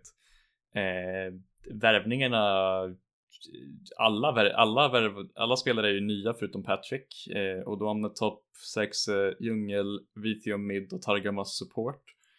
Eh, finns det någon spelare som sticker ut specifikt för dig? Ja, det måste ju ändå vara Vifio eh, som jag tycker generellt sett är en, bästa, en av de bästa eh, midlanes i EU. Och, eh, eh, glad att han fick komma till ett så pass bra lag som Excel har fått ihop nu och kunna visa fullt ut vad han kan göra med, sånt här, eh, med ett sådant här bra roster runt om sig. Eh, samtidigt som jag tycker att Targemas på supporten är extremt intressant att se vad han kommer kunna göra den här splitten. Eh, efter att ha blivit, eh, han, har, han hade väl ett kontrakt med G2 som sträckte sig längre tid. Men eh, G2 ville ju ha in, som vi kommer komma till lite senare, Mickey. Eh, och då blev det ju en direkt trade eller swap mellan de två. Eh, jag tror dock att eh, Torgemas kommer göra bra saker och i längden kommer vara bättre för XL än vad Mickey kommer vara. Eh, och eh, samtidigt så har du fått in eh, ligans förmodligen bästa toplaner eh, i och Amney. Eh, och det är väl det ser ju bara väldigt stabilt ut när man kollar på det. Det är ju ingen som är, är så dålig som det finns i andra lag där det finns någon, något frågetecken utan här är, vet man ju eh, nästan av alla vad man kan få. Ja, det finns liksom ingen weak link överhuvudtaget. Eh, person, I min personliga åsikt så är jag typ mest nöjd med att Xerxes fick ett bra lag. För att i, i mina ögon så var han genuint en topp 4 djungel under förra säsongen. Även om han spelar för, för ligans typ näst sämsta lag eller sämsta lag eh, i Astralis. Där han egentligen var den enda bra spelaren tillsammans med Jonghun. Eh, väldigt nöjd med att han får spela på Eh, toppen av Europa igen och eh, även senaste gången han spelade toppen av Europa var ju på Splice och nu har han tillbaka sin toplaner från Splice och då vann eh, som jag personligen är jag är fortfarande fullt medveten om att han förmodligen är Europas bästa topp på papper men jag kritiserar definitivt hans champion pool. Jag har kritiserat den tidigare på Twitter, jag kritiserade den i, artik i en artikel tror jag också. Eh, hans champion pool under förra säsongen eh, var ju genuint typ eh, en halv decimeter djup. Eh, han hade spelat typ sex eller sju karaktärer under hela säsongen. Eh, men eh, till skillnad från honom så blev han inte mobbad för det. Istället fick typ en spelare som Armut som spelade typ 10 karaktärer under säsongen bli flamad för att han NAR varje match när det inte stämde överhuvudtaget. Eh, så det är ju personlig, personlig dislike mot Odoamne som skriker igenom där, men han är ju en stabil spelare. Det är svårt att kritisera hans spel, hans spelstil egentligen. Ja, och jag gillar ändå hur laget är uppsatt med eh, Patrick som är stabil. Han gör inte mycket misstag, men han gör, han gör inte så mycket ljud av sig eh, överallt, eller overall. Men Targemas däremot som kan roama upp till midlane, hjälpa Vifio som är deras eh, stjärnspelare och Damne som kan sitta i toplane och inte förlora men ändå eh, inte vinna utan bara, bara vara neutral där och ändå kan steppa upp när det behövs. Och sen har du Sörksey i djungeln som ändå är en, en bra eh, djungel som kan ändå hjälpa eh, Excel när Vifio eh, har ett tufft midlane tror jag att man kan luta sig tillbaka på Cersei så han kan hjälpa laget. Och eh, tillsammans med Cersei, Targmas och Vifio, eh, när de kommer tillsammans och eh, upp tillsammans så tror jag att det kommer bli ett monster. Det kommer bli sjukt svårt att stoppa det. Eh, och ja, de har ju de har allt skulle jag vilja påstå för ett bra lag. Absolut, jag håller med om det till 100%. De har varenda pjäs kan eh, vara liksom i topp fyran av, av, av, sin roll. Eh, Targamas var i mina ögon Summers bästa support. Jag vet att många inte hade med det, men jag tyckte att han var fantastisk. Eh, även om han inte riktigt visade det i Worlds, det är förmodligen det som är recency biasen för många på Twitter. Eh, han hade inte ett speciellt bra Worlds, men han hade en väldigt, väldigt bra Summer. Eh, sen så, eh, det enda riktiga frågetecknet i Excel för mig är om Patrick och Vithio kan eh, samsas om resurserna. Eh, på, eftersom att Vithio kommer från Misfits där det egentligen bara var han som fick resurser, eh, han och Neon. Eh, även om Neon mest fick weak side och sen scala på sina hypercarries. Eh, och Vithio fick alla ganks. Eh, och sen har Patrick varit Excels liksom carry i hur länge som helst nu. Han har fått alla resurser i flera generationer av Excel-lag. Så det är egentligen den riktiga frågan jag har. Kommer Excel kunna balansera resurserna? Ja, det är väl där det ligger. Det är väl där frågan, make or break frågan. Eh, men vi båda ser väl ändå att eh, Excel ska vara med i slutändan i sista slutspelet och slåss om, om vintertrofén, eller det är väl där vi, där vi räknar in dem. Absolut. Just nu så ser jag Excel som ett stabilt topp 4-lag. Borde definitivt vara med och slåss om eh, trofén i slutet. Men eh, vi får se. Det kanske sker stora förändringar under ligan eh, under ligans gång med lag från de lägre som vi, inte, som vi tidigare nämnt kanske bara scalar om.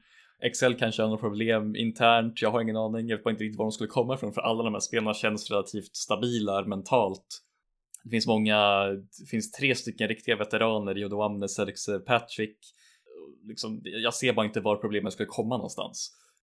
Nej, eh, extremt stabilt lag som vi förväntar oss ska slåss om troféer. Eh, men då går vi vidare. Alltså det, nu är vi inne på topp tre. Och vad känner du generellt sett när vi kollar tillbaka på de lagen vi har kollat på eh, nedan här? När vi gått igenom dem? Alltså det är ju, det är ju den starkaste LEC-splitten på extremt länge i mina ögon. Liksom, det finns inga totalt trash-lag. Eh, det finns ett gäng spelare som kanske inte förtjänar att vara här, men det finns definitivt nio av tio lag som liksom aktivt slåss för att spela eh, i playoffsen och i stage 2. Ja, så är det. Och jag är, jag är imponerad över hur lagen har fått ihop den här offseason och gjort bra lag. För ibland har det kunnat vara så att eh, när de bästa lagen har fått de bästa spelarna så har man gått efter eftersom att köra lite budget, budgetlag. Men det är absolut inte någonting som hänt här, i det här året. Och även om man kollar ner från topp tre så känns det ju ändå som att det är extremt stäkat Och då har vi inte ens gått in på de tre bästa lagen som vi ser det. Nej, så ska vi bara börja med lag tre då. Då börjar vi med lag 3 och det är ju förstås G2 som vi sätter där.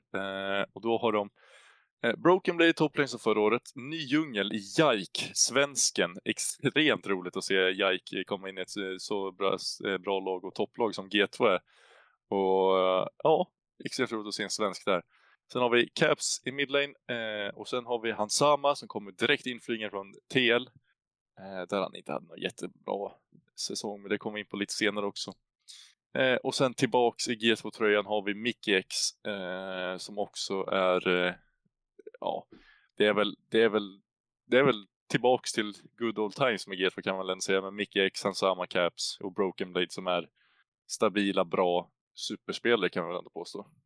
Definitivt. Alla de här spelarna har tidigare prövat sig på den här nivån. De har varit bäst i sin roll allihopa faktiskt. Eh, har varit bäst i sin roll tidigare.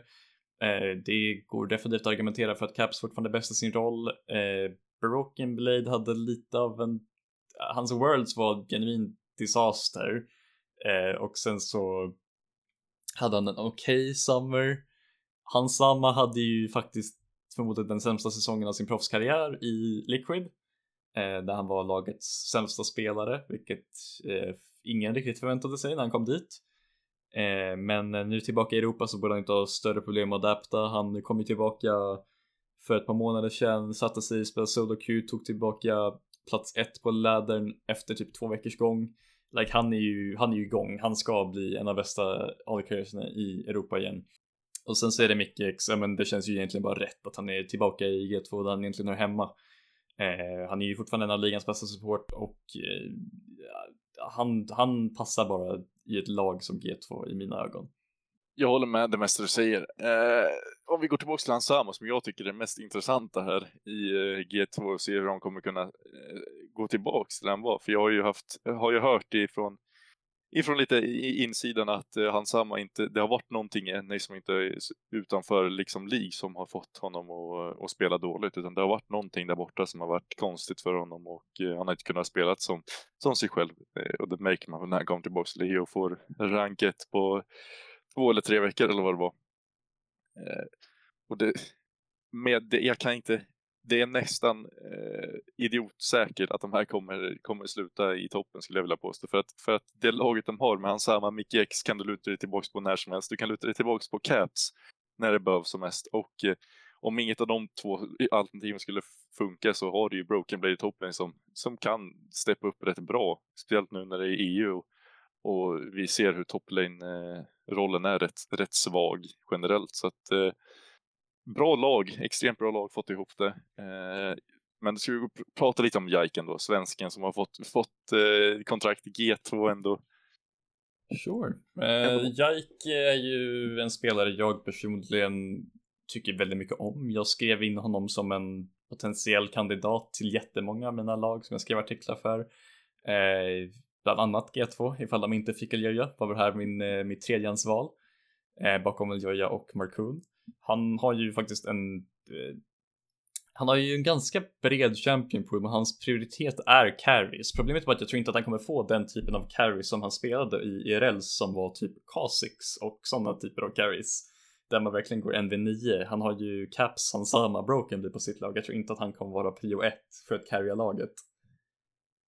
Nej, det kan det inte. Inte nu i första splitten tror jag inte heller. Det. Nu i första splitten tror jag det kommer mest handla om att han ska komma in i laget, han ska känna på LSI-stagen och eh, med de G2 måste väl ändå ha förhoppningar att, eh, att han ska bli bästa djungeln i EU. Annars kan jag inte se varför man skulle, man skulle välja att eh, bort Janko som man skulle välja med någon som är medioker. Eh, så jag är extremt hoppfull på Jaik. Eh, förhoppningsvis kommer han kunna visa eh, vad han går för. Och det hade varit extremt roligt att se, se honom vinna eh, med det här G2-laget, hans första split måste jag säga. Eh, mm.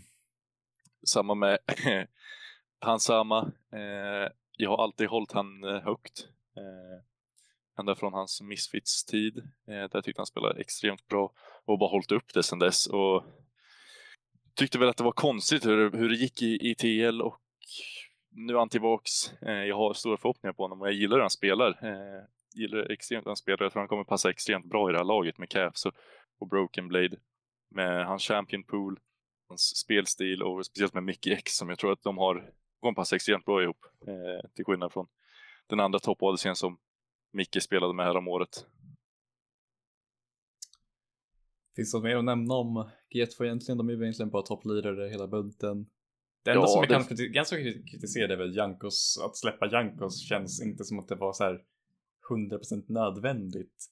Eh, jag tror inte att Jankos direkt var problemet i laget förra säsongen.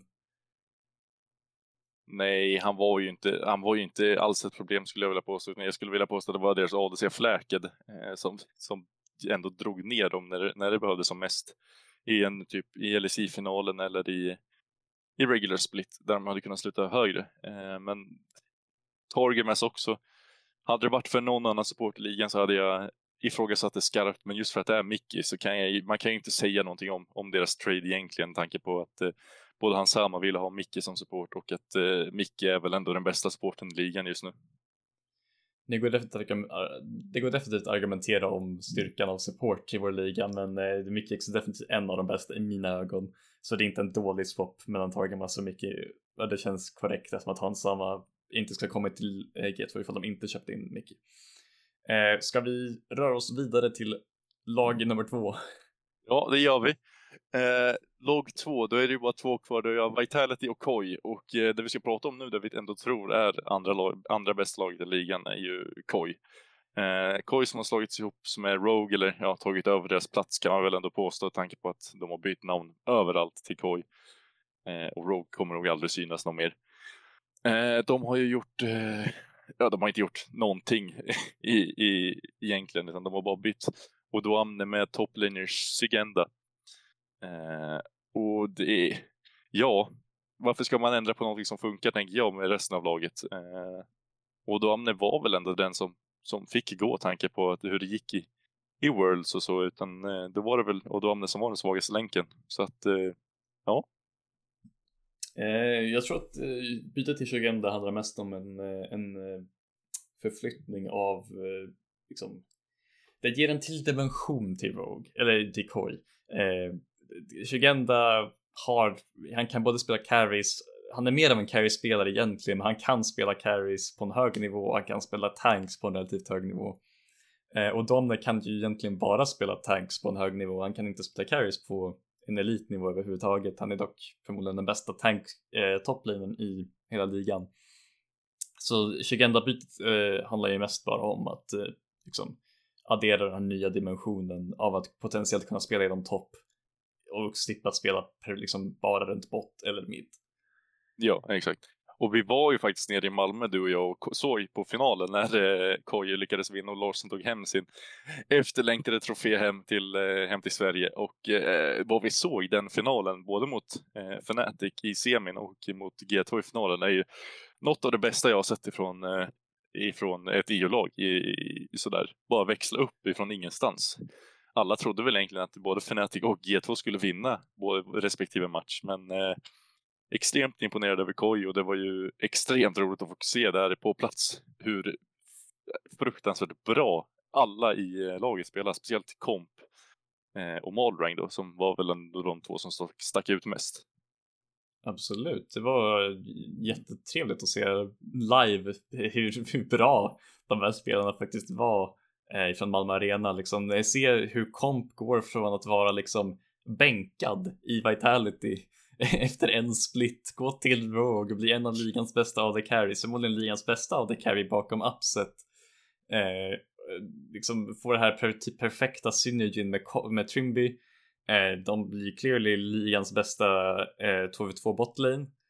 Eh, Malrang som jag faktiskt inte förstår hur han fortfarande kan vara en av de bästa i ligan. Det känns som att hans typ av pathing som inte existerar borde kunna bli läst av motståndare vid den här tiden. Men eh, clearly så är den unpredictable för varenda jävla toppdjungler i EU och han är en av de bästa i, i, inte i världen kanske, men i Europa när det gäller just djungeln. Ja, och det är ändå, Malrang måste väl ses som, efter det han gjorde i, eh, han var ju bra i Worlds också, men efter det han gjorde, i, speciellt i finalen där så, ja, det hade ju varit direkt fel att ta bort honom ifrån det här laget. Och jag tycker ändå Komp, vi båda har ju ändå älskat Komp sen tiden i Vitality när han blev bänkad. Vi båda ifrågasatte det skarpt redan då eh, och det får han väl bevisa nu att han, han är så bra som vi har sagt han är hela tiden. Det ska bli kul att se han nu komma in som totalfavoriter in i den här, eh, in i den här splitten med Vitality då.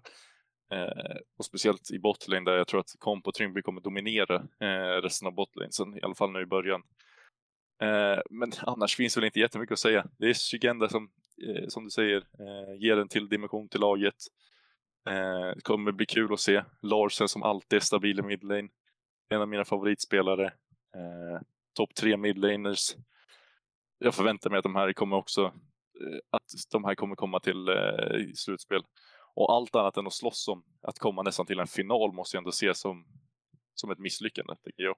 Absolut, det är det som är den riktiga frågan för mig. Kommer liksom de här liksom för detta Rogue-spelarna kunna liksom klara det här trycket, den här pressuren eh, för att actually vara favoriter?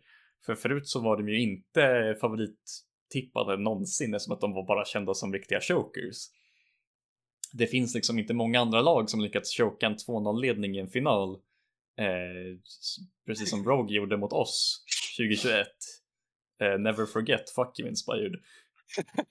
Nej, men eh, det är ju, det är ju verkligen så. Det ska bli kul att se hur de får, hur de hanterar den här eh, stämpeln som de har fått på sig. Att de, de måste ändå prestera nu. Och det är väl ändå så att de här och Vitality har väl mest att förlora kan man väl ändå säga. Absolut. Eh, eh, hoppar vi bara vidare till Vitality då? Jo men det tycker jag. Eh, det är inte jättemycket att prata om Koi. Men det här, det här måste ju ändå vara det roligaste att prata om i hela, hela ligan just nu. Absolut. Vitality. De, jag vet inte riktigt vad de har lyckats gjort nu på offseason, men det är ju helt sjukt vad de gick ifrån till det här också. Eh, det går bra för den or organisationen just nu med tanke på hur mycket de skulle spendera på det här. Men eh, om vi går igenom deras spelare istället så har ju eh, Alfari tyvärr sagt att han kommer ta en paus den här splitten eh, på grund av personliga skäl. Han har sagt att han inte, han, han, orkar inte riktigt spela professionellt just nu. Så han har ju tagit paus. Eh, jag har ingen aning om han är fortfarande kontrakterad. Men han är fortfarande i kontrakt. Han sitter på bänken. Kontrakt. Ja, men eh, jag tror inte han kommer kunna rubba på Photon som är deras nya toppliner från Korea. Sen har vi Bo i djungeln som ni kanske kommer ihåg från sin eh, korta men ändå framgångsrika karriär i LPL. Eh, där han spelade i FPX var det va? Eh, och, han dominerade ju till och med LPL-scenen med sina få games där borta. Och eh, han förlorade alltså noll matcher på dem han spelade. Jag har inte direkt koll på hur många det var, men det var en dussintals. Det var tio, tio matcher. Stycken. Tio matcher och förlora noll. Det är bra siffror. Sen fortsätter de med Perks Midlane, eh, ny eh, Neon eh, till Vitality. Eh, Neon som eh, vi kommer in på honom mer sen, men, men, jag har lite, men jag har lite tankar om Neon. Och sen så har de tagit in eh, Kaiser, eh, med Lions-supporten. Eh, och det är väl det laget där, vad, vad, vad säger du? Eh, ja, alltså det är ju definitivt laget eh, som jag håller högst i ligan. Även om det känns ganska sjukt att säga det när de har två helt oprövade spelare i LEC. Varav en spelare, Foton, aldrig har spelat i en toppliga i sitt liv. Han spelade bara i LCK Challengers. Eh, men eh, individuella nivån på Foton är från vad jag har hört väldigt hög. Jag har tyvärr inte kollat speciellt mycket alls på LCK Challengers och aldrig när Foton spelade. Men folk säger att han ska vara bra. Eh, och från vad jag har sett statwise så har han en ganska bred champion pool, dock mer åt tankhållet vad jag förstått det som. Eh, men jag tror att han kommer skifta mer till en carry-spelare i eh, LEC då vår toplane pool är extremt svag. Eh, Bo, eh, förmodligen den eller förmodligen, han är den mest eh, individuellt skickliga spelaren i LSI. Det finns inget snack om saken. Eh, han är den bästa mekaniska spelaren vi har sett på extremt länge, förmodligen sen Prime Caps kanske. Eh, och med noll matcher förlorade i sin professionella karriär eh, någonsin eh, så tror jag att det är väldigt svårt för honom att eh, inte vara en av de bästa, om inte den bästa djungeln och kanske spelaren i hela LSI. Eh, har du några tankar om Bo personligen? Uh, det kommer bli extremt roligt. Jag trodde aldrig vi skulle kunna se en sån, sån stjärna som Bo egentligen är, men det är ju efter hans kontroversiella stint i LPL eh, som, eh, ja, ni kan googla upp om ni vill se vad, vad som hände där, men det kommer bli eh, extremt roligt att kolla på när Bo spelar och vad jag har förstått det så, så spelar Vitality rätt bra i scrims just nu vad jag har hört. Eh, och det är väl på grund av just Bo. Och kombinationen med Bow-foton påminner ju rätt så mycket om en viss koreansk, eh, eller jo, en koreansk eh, popdjungel ifrån Fnatic 2015 med, eh, med Rainover och eh, Hooney. Och det är väl någonstans där eh, jag kanske ser att det här kommer hända igen, att det kommer vara att de kommer dominera ligan. Eh, för Foton, eh, koreansk toplaner, jag har kollat lite på hans champion pool inte kollat så mycket games, men jag har lite, sett lite highlights. Så han är ju han är stabil, han är extremt stabil. Eh, men som alla koreanska topplinjer kan han ju, han kan ju göra sjuka saker och carry games därifrån. Men är det, jag vet inte ens om det är det Vitality vill ha av Foten, han ska kunna carry. Utan jag tror att de kommer lägga alla resurser på Bow. Eh, för att han ska, han ska carry och eh, perks. Eh, vad tycker du om eh, den här botlanen med Neon och Kaiser? Jag är ju personligen ett väldigt stort Kaiser-fan givetvis. Han är ju också en Madlines legend. Eh, det är ju väldigt surt att se honom gå från oss där vi kunde ha reunitat honom med Carsy, eh, som jag hade älskat att ha tillbaka Carsy Kaiser. I mina ögon så är han ju en av ligans bästa support. Han var ligans bästa support 20, 2021. Han var förmodligen topp tre förra säsongen. Eh, nej, kanske inte, uh, inte förra säsongen actually. Han var nog, han var topp 4, topp 5 förra säsongen. Han är lite av en downer, downer li, eh, säsong förra säsongen. Men eh, ah, kommer han tillbaka till liksom bara sin vanliga form så är han definitivt den bästa i hela ligan. Eh, Neon är ju eh, han är ju han är en bra spelare, men han är ju väldigt eh, one-trickig. Han kan ju egentligen bara spela hypercarries eh, och bli handhållen av sin support hela matchen som han gjorde med Mersa i Misfits. Eh, jag vet att du personligen också är mycket kritisk mot Neon. Ja, tankar? Jo, jag har ju varit, jag har varit kritisk mot Neon och jag är fortfarande det. Jag tycker att han, han håller inte riktigt den standarden som jag förväntar mig av en ADC som ska spela i alla fall i, i ligans bästa lag som vi ser på pappret här, utan jag tycker ändå att han, han saknar rätt mycket i sin spelstil för att vara här uppe, utan han eh, det har ju gått den här memen om att han är Jinx one trick och eh, men det är väl någonstans där också som är problemet, utan inte bara att han spelar Jinx, utan det, det är väl mest sådana champs som spelar hypercarries eh, som inte gör jättemycket early game kan man väl säga, utan de kommer väl online sen efter två, tre items. Eh, Sen vet jag inte, jag tycker frågan är om Vitality gick så hårt på pop och djungel så att de inte kunde gå lika hårt på ADC eller om de, de tycker att Neon är bättre än vad jag tycker. Så kan det också vara, men jag hade nog hellre sett att de gått hårdare på en, eh, en ADC faktiskt här i det här läget. Om de ändå ska bygga ett så pass eh, bra lag eh, på toppsidan och support som jag håller väldigt högt så tycker jag ändå att man skulle kunna gått lite hårdare på en, på en bättre ADC och då tänker jag väl mig en extra kick som hade kunnat gått in här om de hade gått hårdare på honom eller eller en Jack Spectre, eller det finns ju andra också, till exempel en Unforgiven tror jag hade passat bättre här. Eh, jag tycker Unforgiven är bättre än Neon. Jag tänker bara på Upset. Upset också, jag hade glömt My guy sitter som free agent, vad fan, stoppa in grabben bredvid Kaiser så har ni lite på det bästa laget EU någonsin har sett på papper. Det är klart, nu glömde jag glömde faktiskt bort Upset, men det är klart att Upset ska såklart in här. Och vad jag har förstått det som, eh, när jag har hört mig runt och läst, så ska inte, så ska Fnatic ha varit rätt snälla med, med Upsets buyout. Eh, men det kan också varit efter Vitality signa Neon och det är inte alls omöjligt. Men jag tycker fortfarande att de ska kunna, kunna gå hårdare på en, eh, en sån som, som Upset i så fall än en annan ADC. Eh, och om, vi ska, om jag ska prata lite om Kaiser, jag tyckte du nämnde det rätt bra, men om jag ska bara gå igenom lite kort att eh, han är ju en av ligans bästa supporter och jag håller han väldigt högt. Jag tror han kommer göra bra saker i det här laget när han får spela runt Bow och Photon och Perks. Eh, och kanske lämna Neon lite själv på botlinen för att, eh, för att hjälpa laget. Eh, och vi ser väl ändå att Vitality måste väl ändå, de måste vinna. Eh, inte nu, men, men någon gång under året för att det här ska eh, vara ett bra år. Liksom. De måste vinna någonting. Definitivt, de måste vara eh, åtminstone vid Spring Split så måste den vara liksom online. Jag tänker mig att Vitality måste vara en av våra MSI-representanter och inför Worlds, alltså ifall, ifall laget verkligen klickar som det kan göra så kan jag genuint se Vitality vara en Worlds contender. Det är kanske lite, lite väl kontroversiellt att säga just nu, jag har inte sett dem spela en match. Men på papper så skulle de genuint kunna vara en riktig Worlds contender om Bo och Photon bara klickar igång och potentiellt en AD carry-skifte från neon till upset skulle göra det perfekt. Eh, sen så, jag vet inte, jag, Perks som spelare i mina ögon har han inte riktigt varit detsamma eh, sen han gick med Vitality. Like, det finns givetvis glimtar av hans liksom peak-år som han liksom bara absolut shittar på folket han spelar mot. Men han är ju mer av en utility mid nu för tiden. Eh, och han är mer av liksom, det känns ju som att han, han agerar mer som eh, lagets, eh, vad ska man säga, typ lagets pappa där han ska liksom guida runt de här eh, nya, additionsen av Bow och Photon eh, tillsammans eh, liksom med sin, ledar, sin ledarkunskap.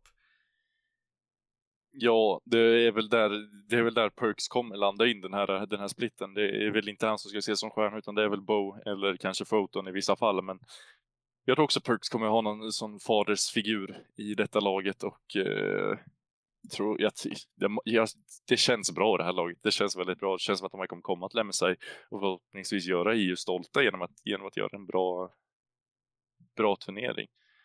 Eh, så det mesta, jag gillar det mesta med Vitality, det är ändå Neon och där som du säger, det är, det är inte omöjligt att de byter ut Neon mot Upset om det skulle gå skulle inte gå som de hade tänkt sig efter första splitten eller efter två splits eller någonting. Eh, det finns ju såklart eh, resurser för det också skulle jag påstå i Vitality. Eh, så det är nog inget problem. Mm. Men vi ser ju ändå Vitality nu inför på pappret som det absolut bästa laget i ligan. Och om det har varit jämnt under så är det på, väl på pappret rätt klart att Vitality ska vara bäst tycker jag i alla fall. Ja, alltså jag har ju sett många sätta, det, det är ju ganska klart vilka lag som borde slåss för titeln den här eh, innan liksom vi har sett lagen actually spela. Det är ju eh, Vitality, Koi och G2 som står längst fram i de flesta personerna jag har sett snacka om det på LC Twitter. Eh, så det är inte speciellt kontroversiellt eh, att säga att någon av de lagen skulle vinna titeln eh, i mina ögon åtminstone. Nej, och då har vi ju gått igenom alla lagen i LSC och deras offseason än så länge eh, och vad vi har tyckt om dem och så. Och, eh, om man bara ska gå över lite snabbt så är ju, det har ju LSC har blivit en, en bättre liga i år. Och jag kan verkligen se hur eh, LSI kan hota de östlagen i både Worlds och MSI med nya upplägget plus det här nya, eh, nya lagen som har, har utvecklats och hur svårt det kommer vara att spela och hur bra man måste vara för att kunna vinna matcher i år det kommer bli en mycket intressant sak att se. Jag tror att eh, det, det är kanske lite för tidigt att snacka om eh, så här riktig, kom, eh, riktig competition med öst kanske det här året, men inför liksom typ winter nästa år så tror jag verkligen LEC kommer vara eh, klart mycket starkare än den var tidigare. Eh, och förmodligen liksom genuint vara på kanske inte exakt samma nivå men på liksom snäppet under. Eh, eller kanske till och med tillbaka liksom 2019, 2018 liksom prime-timen som vi hade tidigare. Ja, eh, så där har ni lagen eh, och vad vi tror att de kommer sluta. Ska vi gå över bara lite rollerna lite snabbt, vi, vad vi tycker om, eh, om, om, om dem efter eh, off-season? Det kan vi göra. Eh, du kan väl börja med att dra lite topplane? Ja, eh, så förra året så hade vi de här topplinjerna lämnade ligan. Eh, det var Visitachi, eh, Armut, Genax, Aggressivo och Alfari som lämnade ligan och de ersattes med eh, Shugenda som ny spel, eh, de nya spelarna kom in, inte till samma lag givetvis. Eh, Shugenda, Chasey, Adam, Evie och Photon gick med i ligan. Eh, jag skulle säga att det är ju ganska klart vilken topp som liksom som ger ons, liksom svider mest att tappa Di Alfari. Han är ju klart den mest skickliga spelaren som vi tappade. Eh, det är egentligen bara han och Armut som kanske eh, spelar en riktig roll att de är inte med i ligan längre. Eh, jag höll inte Visicacci speciellt högt. Jag tyckte att han var ganska dålig. Eh, givetvis var han dålig individuellt, det förväntade alla sig. Eh, men jag vet inte, det Astralis spelar inte speciellt bra så jag kan inte tänka mig att han eh, var en speciellt bra shotcaller heller. Eh, och aggressiv och var genuint eh, ganska värdelös för BDS men det är svårt att spela på ett så eh, dysfunctional lag. Genax var lite mer av en coin flip, han var genuint ganska bra under vissa perioder och han har en ganska bra laning face men han är oftast väldigt dålig på att transitiona en bra laning face till att actually göra någonting i gamet. Eh, och därför tror jag att det är bäst att han tar en split off. Eh, har du några tankar om topp? Nej, du benämnde det mesta här, utan det är väl... De har ju... Det, det har ju inte blivit någon större stor skillnad. Den har väl blivit lite svagare nu, men jag kan ju se hur den blir starkare desto längre in vi går. Och de har väl bytt ut Alfari med foton rakt av som på, ja, de ska väl ändå bli efter det här året är väl de ungefär lika bra. Så det, det är inga större ändringar på det sättet. Jag tror att de har blivit lite svagare nu i början, eh, så vi får se. Eh, nästa är ju Djungel. Där har vi eh, där de, de som har fått lämna är Sansara, Gilias, Syncroft och Haru. Och in har kommit Chio, Bow, Jaik och 1-3. Eh, och där har ju, den har ju blivit starkare där med Bow och Jike. Eh, det har ju definitivt eh, blivit bättre styrka i djungeln och de som ändå har sett som frågetecken innan har ju gått ut nu. Så den enda som egentligen är ett frågetecken nu är ju 113 som egentligen, ja, han skulle man ju kanske kunna byta ut med någon som hade lämnat eh, LSI nu. Men eh, de andra tre håller ju klassen, eh, definitivt. Japp, håller med till 100%. Jag hade personligen velat se mer av Syncroft för jag tyckte att han var genuint den enda bra spelaren på hela BDS under förra säsongen. Jag vet inte, folk tyckte att han var värdelös. Jag tyckte inte att han var värdelös, men det kanske har mer med gamesense att göra än att eh, eh, hela LEC Twitter är dumma i huvudet. Jag vet inte. Vi får se senare. Roastar hela LEC Twitter, jag gillar det. Men vi, vi, går över på mid, där har ju bara hänt en, en sak och det är att Nukedeck har lämnat och innan kommit Ruby.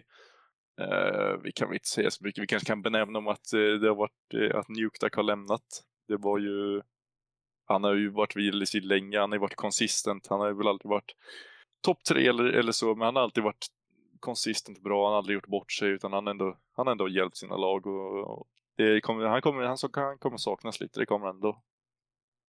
Ja, Ruby, jag tror Ruby har definitivt en högre potential än Nuketax liksom peak. Eh, men eh, i stunden så är Nuketak en bättre spelare i mina ögon. Om jag inte minns fel så gick Nuketak till assisterande coach i 100 Thieves, vilket jag tycker är eh, ganska intressant. Jag är fairly mm. säker på att det var den gjorde. Jag är rätt säker på det också, jag såg det någonstans. Men ja, det, det är midlane, det har inte ändrats så mycket. Det är ju bara en, och två, eller en som har kommit in och så. Så att, vi kommer få se hur Ruby kommer prestera. ADC är väl det som har varit eh, intressantast här. Det är ju eh, de som har lämnat är X-Matti, Jesu, Set, Fläked och Unforgiven. Och in har kommit Exakick, Reckless, Hansama, Jack Spectra och Crowny. Och här kan vi båda komma överens om att den har blivit mycket starkare. Eh, om man tar bort eh, att Upset har lämnat som var ligans bästa ADC. Så har ju bredden på ADC blivit sjukt bra. Ja, vi har ju äntligen tappat de här spel. Alltså jag förstår fortfarande inte hur X-Matte fick spela två riktiga splits. Genuint den sämsta av det kan jag sett i LEC någonsin. Jag har i och för sig bara kollat sedan 2020, men Jesus, han var inte en fucking bra The carry. Eh, Jesu hade en bra split eh, när han spelade. Han, han hade sina bra splits med treats, men det var väldigt länge sedan nu. Eh, och han har inte varit alls lika bra sen dess. Eh, och Flacked tyckte jag aldrig var bra nog. Eh, han var mer av en utility carry och det passar bara inte i de flesta LEC-lagen. Eh, som du sa så är det ju givetvis Upset som är den största förlusten här. Eh, definitivt uh, ligans bästa AD som du sa. Eh, och sen så var det Unforgiven som jag tycker absolut inte förtjänade att bli kickad givetvis. Han borde ju snart i LEC, kanske inte i just med för min skull, men eh, definitivt en AD carry som passar i LEC. Eh, ja, exakt. Eh, det har ju blivit X-Mätigt tycker jag också var extremt konstigt att han fick spela så länge i ELC, men det var kanske en produkt av att eh, det inte fanns några andra på marknaden just då, eller hur de tänkte, jag vet inte riktigt.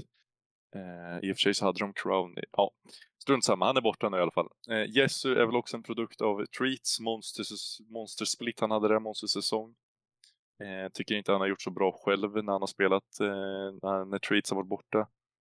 Eh, Fläked kan jag inte heller, jag kan inte, Fläket var väl rätt hypad när han kom in i scenen och han var väl ändå rätt, han spelade rätt bra när den splitten som eh, G2 vann men efter det så tycker jag han har dippat rätt hårt. Eh, som Unforgiven som jag tycker eh, håller en bra nivå. Han borde, få, borde vara i LSI men eh, fanns inte plats för honom. Eh, in har ju kommit, det har ju kommit i alla fall två stycken extremt roliga unga eh, ADCC, Jack och eh, Exakick som jag ser fram emot extremt mycket att kolla på och se vart de tar vägen där jag tror att båda om några år kommer hamna i topplagen. Eh, men annars så stor förhoppning, mycket starkare eh, ADC-roll. Eh, ska bli roligt att se. Om vi går över på support. Där har ju eh, Treats och Limit lämnat som är Dote. Eh, DOS har kommit in samtidigt som Rux. Eh, vill du ta den? Jag kan ta den. Eh, egentligen så, alltså förlusten av Limit och Erdote eh, spelar ingen riktig roll. De vart ju ändå bara bytta med varandra i BDS. Jag personligen har en sweet spot för Limit för jag tyckte att han genuint var bra på Schalke men han har inte riktigt spelat på samma nivå i BDS. Erdote behövde aldrig komma i ligan, tyckte han var ganska dålig. Eh, Treats eh, var min favoritpick för ny support i Mad Lions, eh, men vi fick Hyllisang istället, vilket jag inte kan vara för arg över, för det är inte som att Hyllisang är en dålig support. Eh, men eh, jag vill ha stabiliteten av Treats och hans stora champion pool. Eh, till skillnad från den mer limiterade eh, poolen på Hyllisang. Eh, sen så är det ju förlusten eller additionen av DOS och RUX kan man ju definitivt eh, debattera om ifall den är positiv eller negativ på något sätt. Eh, Rux lär inte göra någonting negativt eh, för Fnatic egentligen. Jag tror bara han kommer vara lite mer, lite för passiv kanske potentiellt för ligan. Eh, och sen DOS, hans skicklighetsnivå är väl inte något det är riktigt fel på egentligen. Det är mer eh, den, eh, liksom, jag vet inte vad man skulle kunna kalla det rykten. Det finns ju konkret eh, bevis på att han är en toxic individ.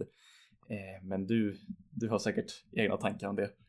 Ja, jag, som jag sa innan så blev jag, jag röt ju ifrån till eh, den här additionen av DOS bort med treats. jag tycker den är, som, som jag sa innan, att den är förjävlig.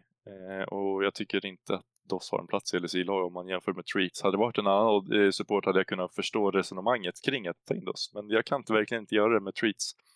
Eh, samtidigt som jag tyckte att Treats hade en plats i, i antingen Mad Lions eller i Fnatic när de letade support. Men Fnatic valde ju rätt snabbt efter Worlds. Eh, gick ju rykten om att de skulle ta in Rux och det så blev det. Eh, vi gick, pratade ju lite om Rux innan att han kommer vara rätt osynlig i Fnatic och att det kanske är det de behöver men, men då hade jag fortfarande sett att Treats var en bättre support. Tanke på, att, eh, på allt han har varit med om. Rux är ändå rätt ny i scenen med samma ålder i princip. Eh, men där har vi väl ändå rollerna i LSIVA. Det finns ja. inte så mycket mer att säga, det är väl samma sak. Uh, vill du gå över till vårt nästa segment? Vi tar uh, nästa punkt som är våra awards, eller våra prediction till awards, som vi tror kommer hända i slutet av säsongen. Och då har vi ju, vad heter det, MVP, vi har Rookie of the Split och vi har, vad är det mer vi har? Sista? Coach of the Split.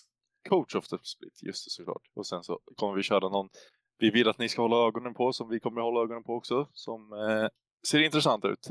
Men eh, vill du börja med din Rookie of the Split? Ja, eh, det kan först vara bra att dra igenom vilka rookies det faktiskt är eftersom att deras definition av rookie är eh, lite intressant. Eller den, den, inte just den här säsongen, är inte speciellt konstigt vilka det är, men eh, det, tidigare har det varit lite intressant. Eh, rookiesen det här året är 1-3, Rux, eh, Jike, Chasey, Exakick, Shio, Ruby, Jack Spectra, Bow och Photon. Eh, grejen med rookie kval, eller kvalificeringen för rookie är att du inte har spelat mer än 50% av en toppliga tidigare. Eh, Bow spelade endast eh, fyra matcher i LPL tror jag totalt eftersom att det är eh, bäst av tre där. Eh, och Rux har bara stått in ett par gånger här för mig i LEC. Så de båda är fullt eh, tillgängliga för att väljas som rookie split. Eh, om jag går till min Rook Split så är den självklara valet givetvis Bow. Eh, om man säger någon annan så går man förmodligen lite, eh, lite Rogue, men eh, eh det känns lite tråkigt att bara säga att ah, min, min Rook Split är Bow. Så jag vill bara gå för liksom, min Rook Split blir istället Jike, fuck it, Jike, jag går för Jike. Ehm, Jike kommer att ha en bra säsong, han kommer få, eh, vad ska man säga, växa sig mer stark i ligan med sina eh, veteranmedlemmar i G2 kommer se stark ut eh, i slutet av spring, eller eh, i slutet av winter. Vad är din rookie of split? Min rookie of split är ju såklart Bow, men vi, vi tar inte Bow för den här, för den här gången för att eh, det kommer inte bli fair mot de andra eftersom han, han ändå redan spelat LPL. Så att eh, jag funderar nog på om inte Rux kommer bli rookie of the split. Eh, och du baserar det egentligen bara på att han kommer få spela med ett så pass bra lag och kommer förmodligen inte han kommer nog inte kunna göra bort sig så mycket som jag tror att han, han kan. Liksom. Jag tror inte han kommer göra så stort intryck, eh, förutom bra då. Eh, vilket jag tror jag tror han också kommer kunna steppa upp desto längre splitten går, desto mer han kommer in i kläderna. Jag tror han kommer bli en, en bra support eh, desto längre det går. Eh, och sen så tror jag att de andra, support, eller andra spelarna som är rookies, rookies liksom, eh, kommer behöva lite längre tid för att komma in i ligan än just Ruck som ändå har varit med laget och har spelat Worlds och så. Så jag tror att Rux kommer komma in i det snabbast och då kommer vinna Rookie of the Split. Det är fair, det är fair. Eh, om vi går över till MVP då. För splitten, eh, den här vintersplitten. Eh, vad, vad, vem är det du tänker på? Vem säger du? Ja, eh, Eh, det är ju intressant det här med MVP eftersom att det handlar ju inte om att prestera bäst. Det handlar ju om vilken eh, impact impact har för laget. Så eh, annars hade ju givetvis inte Niski vunnit förra säsongen. Det var ju bara baserat på impact på laget. det är därför det är svårt att säga att jag skulle kunna säga att det skulle kunna bli typ Jankos skulle kunna vara en MVP för att han kan lyfta Heretics till en bra placering. Eh, jag skulle kunna säga att det skulle kunna bli Bo. Han vinner både Rookie of Split och MVP för att han bara är insane. Eh, annars så skulle jag kunna skicka MVPn till kanske Humanoid.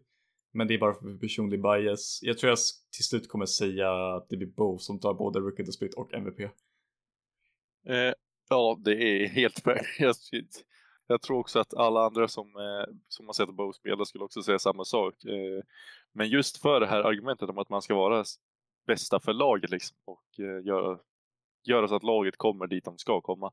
Skulle jag säga El Joya. Jag tror att det mesta kommer handla runt honom i Mad Lions. Jag tror att han kommer bli deras, eller jag vet att deras bästa spelare är El Joya. Jag tror att den viktigaste spelaren i hela ligan kommer bli Eljoja för sitt lag. Eh, för att om Mad ska komma någonstans så behöver de att Eljoja spelar bra. Eh, och det är därför jag tror att han kommer få MVP av den här splitten. Eh, om vi går över till coacher så har vi rätt bra coaches i ligan här, det här året. Eh, där jag skulle vilja, om det inte blir Fnatic coaches som jag tror behöver lite mer tid, tanke på att de har promotat sin academy coach, så tror jag att det kommer bli, det kommer nog bli Freddy Koi, eh, tror jag i alla fall. Eh, Även fast det kanske är lite tråkigt att se Freddy när han inte har ett nytt lag att jobba med. Utan jag tror att det kommer vara det här med att eh, han måste kunna behålla spelarna i ett lugn när de har eh, favoritstämpel på sig. Och jag tror att eh, Freddy och Koi kommer göra det och att han kommer få coaches split. Ja, det är 100% fair i mitt huvud. Eh, problemet med det, det enda problemet jag kan se med det är att coach of the split oftast går till det laget som vinner splitten. Eftersom att hur fan vet du vad coaches gör egentligen? Eh, och därför måste jag ju, på grund av att jag säger att Vitality förmodligen kommer vinna splitten, så måste jag ge den till Carter, som är deras nya coach från Misfits tidigare. Och jag för mig att deras assisterande coach är Jarnan, eller Hjärnan. Ja. Så jag tänkte ge min röst till dem, annars tror jag att det definitivt är eh, Freddy inom mitt andra val. Eh, en tredje shoutout för mig skulle kunna vara Peter Dunn och Heretics om de eventuellt gör, gör bra saker. Eh, då han förmodligen kommer vara en stor del av det. Eh, då jag uppfattar det som att han gjorde en stor sak för eh, Mad och Splice tidigare. Ja, det är, det är inga dåliga coaches vi, vi sitter och kollar på här. Jag tror att alla kommer göra ett, ett bra jobb med sina lag. Eh, ska vi slå in en lite rolig eh, när vi ändå håller på? Ska vi köra en flop of the split kanske? for sure, for sure. Vem tänker kan... du? Vem är din? det här är då alltså den vi tror vi kommer floppa i i, eh, i ligan eh, under den här splitten. Det finns ju några stycken som jag skulle vilja påstå kan bli rätt floppar. Eh, om man ska gå bara djävulens advokat så säger man ju Bo. För Bo har sådana sjukt stora förväntningar på sig att floppa eller att spela bra. Så att floppen kan ju komma. Men, men jag tror verkligen inte det. Utan jag tror att eh, jag tror att det kommer vara Neon som kommer floppa i Vitality, samma lag som Bo spelar, i, bara att eh, jag ratear inte Neon så högt och jag, kommer tro, jag tror att det kommer märkas när Vitality ska slåss om de högsta positionerna och eh, speciellt sent i slutspelet att deras ADC inte håller samma klass som resten av laget. Och det, jag menar ju såklart att eh, Neon är ju såklart bättre än vissa andra ADCs i ligan och det är klart han är en bra spelare, men jag säger att i förväntningarna så kommer han floppa. Det är fair. Eh, min flop of the split skulle första hand vara 1-3 men samtidigt så har han inga förväntningar överhuvudtaget att floppa över. Så det är ju svårt att säga honom eh, i, i, den, i den grejen. Um, min andra val är ju en spelare från mitt eget lag, eh, Chasey, eh, som jag har sett folk eh, säga är bra på LEC Twitter av någon anledning. Jag ser det verkligen inte. Jag tror definitivt han kommer vara vår svagaste punkt i laget och jag är genuint livrädd för vad som kommer hända med honom. Jag tror det finns stora chanser att han är han kommer vara liksom utanför zonen och bara inte platsa i ligan. Och det kommer förmodligen vara klart redan efter typ de första tre Superweeksen. Super Ja, det är helt fair faktiskt. Eh, det är, nog, det är ingen dålig shout att han kommer, han kommer floppa. Eh, om vi går över till nästa så har vi en, en, ett lite roligt segment där vi vill att ni ska kolla på någon eh, under den här veckan, under den här superweekenden som kommer. Det är ju tre matcher som kommer spelas med det laget som vi säger eller med den spelaren. Så att eh, varför börjar inte du och säga vem, eh, vem du tycker de ska hålla koll på lite extra? Okej, eh, lite mer av en allmän want to watch som sagt. Och min want to watch är förmodligen, eftersom jag är Mad-fan så måste jag nästan säga Madeleine Spotlane för jag är väldigt intresserad av hur dynamiken mellan Carsey och Hyllisan kommer fungera i praktik. Eh, då jag tror att vi kommer leva och dö med den botlanen ganska hårt. Fungerar den så kommer vi säkert kunna placera oss ganska bra i ligan. Eh, och vi har ju en ganska fin mjukstart eh, mot eh, både Astralis och SK i första veckan. Eh, det är ju en bra testzon för vår bot eh, och ifall botlane inte fungerar så kommer vi säkert lyckas missa andra stage 2 överhuvudtaget. Jag tror, genuint, jag tror genuint att vi kan hamna 9 i, i splitten eller i första segmentet av splitten om vår botten inte fungerar. Eh, har du någon specifik allmän want to watch? Nej, jag håller med om det du säger om Madlines botten. Ni står och faller med dem och eh, det, det, kommer bli intressant att se. Jag gillar att man ska hålla lite extra ögon på dem. Eh, jag tänkte först irrelevant eh, när jag tänkte på det eftersom att alla slipar på honom eh, och jag tycker att han är bra toplaner. Jag att man skulle hålla lite koll på honom. Men jag vet inte riktigt om han kommer vara så bra första matcherna. Vi får se det. Men istället så väljer jag att gå för Jike som jag tycker att man ska hålla lite extra koll på. Jag förstår att eh, folk kommer göra det hur som helst, men jag kommer i alla fall hålla ett extra öga på vår svenske kompis här som, som förhoppningsvis kan göra ett bra intryck i G2 och, och, och liksom en fotramp där han säger att han tar, han tar den här eh, rollen liksom med, med knuten näve och, och gör det bästa åt saken. Och jag hoppas att se eh, och längtar tills att se det. För de G2 har ändå de bra matcher att kolla på den här veckan så att det blir kul att se han möter de bästa djunglersen i ligan. Det, är, eh, det är en pick. Jag framåt Jike-klubben som man skulle säga. framåt Jike. Eh, då, är vi nästan, då är vi nästan klara idag. Eh, vi har två saker kvar. vi har en prediction om hur vi tror att det kommer gå första veckan här som jag tycker är lite rolig. Eh, för att räkna upp det så nu på fredag så har vi eh, G2 mot Excel. Eh, vi har Koi mot BDS, vi har Astralis mot Team Heretics, vi har SK mot MAD och eh, vi har Fnatic mot Vitality. Ska vi börja med den här dagen då? Ja, eh, den här dagen, eh, startdagen av LSI är ju en riktig banger med två stycken absoluta toppmatcher i G2 XL och Fnatic Vitality. Eh, och vi startar väl uppifrån. Jag kommer välja G2 mot XL personligen. Jag kommer välja XL här för jag tror att de kommer ha ha ett bättre lag från början när, de, när det börjas. Definitivt en potentiell händelse. Mycket, mycket tight match. Det där like, jag skulle aldrig betta pengar på den här matchen i mitt liv. det, nej. Det där är för läskiga odds. Eh, Koi BDS tror jag att båda vi kommer gå för samma sak. Jag säger Koi. Jag säger också Koi på den, rätt lätt. Eh, Astralis Heretics. Jag kommer gå Heretics jag går också Heretics här. Jag tror att eh, Jankos och Ivar med sin rutinerade spelstil kommer skina igenom. Framåt Evi-klubben. Eh, SK Mad, jag måste givetvis säga Mad. Eh, finns ingen poäng för mig att säga något annat. Annars hade jag inte varit en riktig Mad-fan. Jag hade kunnat gå SK här för jag tycker de har ett spännande lag. Jag tycker ändå att SK och Mad är på ungefär samma, samma ruta vid det här tillfället i splitten som inte ens börjat än. Men jag tycker att de är ungefär lika. Men jag kommer också säga med, för jag tror att de, de kommer nog hitta ett sätt att vinna med Ljoja och Hillesang. Ja, och sen sista banger-matchen, eh, Fnatic mot Vitality. Jag kommer säga Vitality för jag måste, eh, för i mitt huvud så måste Vitality få en bra start, annars kommer de inte vinna ligan och det skulle vara hypokritiskt av mig att säga någonting annat eftersom jag sagt att Vitality ska vinna ligan. Eh, och kanske inte helt, eh, helt oförväntat så kommer jag gå för Fnatic här. Eh, jag tror att, eh, och det är inte bara för att jag är ett, ett Fnatic 50, jag tror faktiskt att de kommer kunna komma in i splitten bättre än eh, Vitality just för att de har kvar sin topside och för att deras botlane inte är så stor impact på deras spelstil direkt. Så tror jag att Fnatic kommer kunna ta den här innan Vitality har satt sitt lag direkt. Så där har vi första dagen. Vi går över till andra dagen, lördagen här då.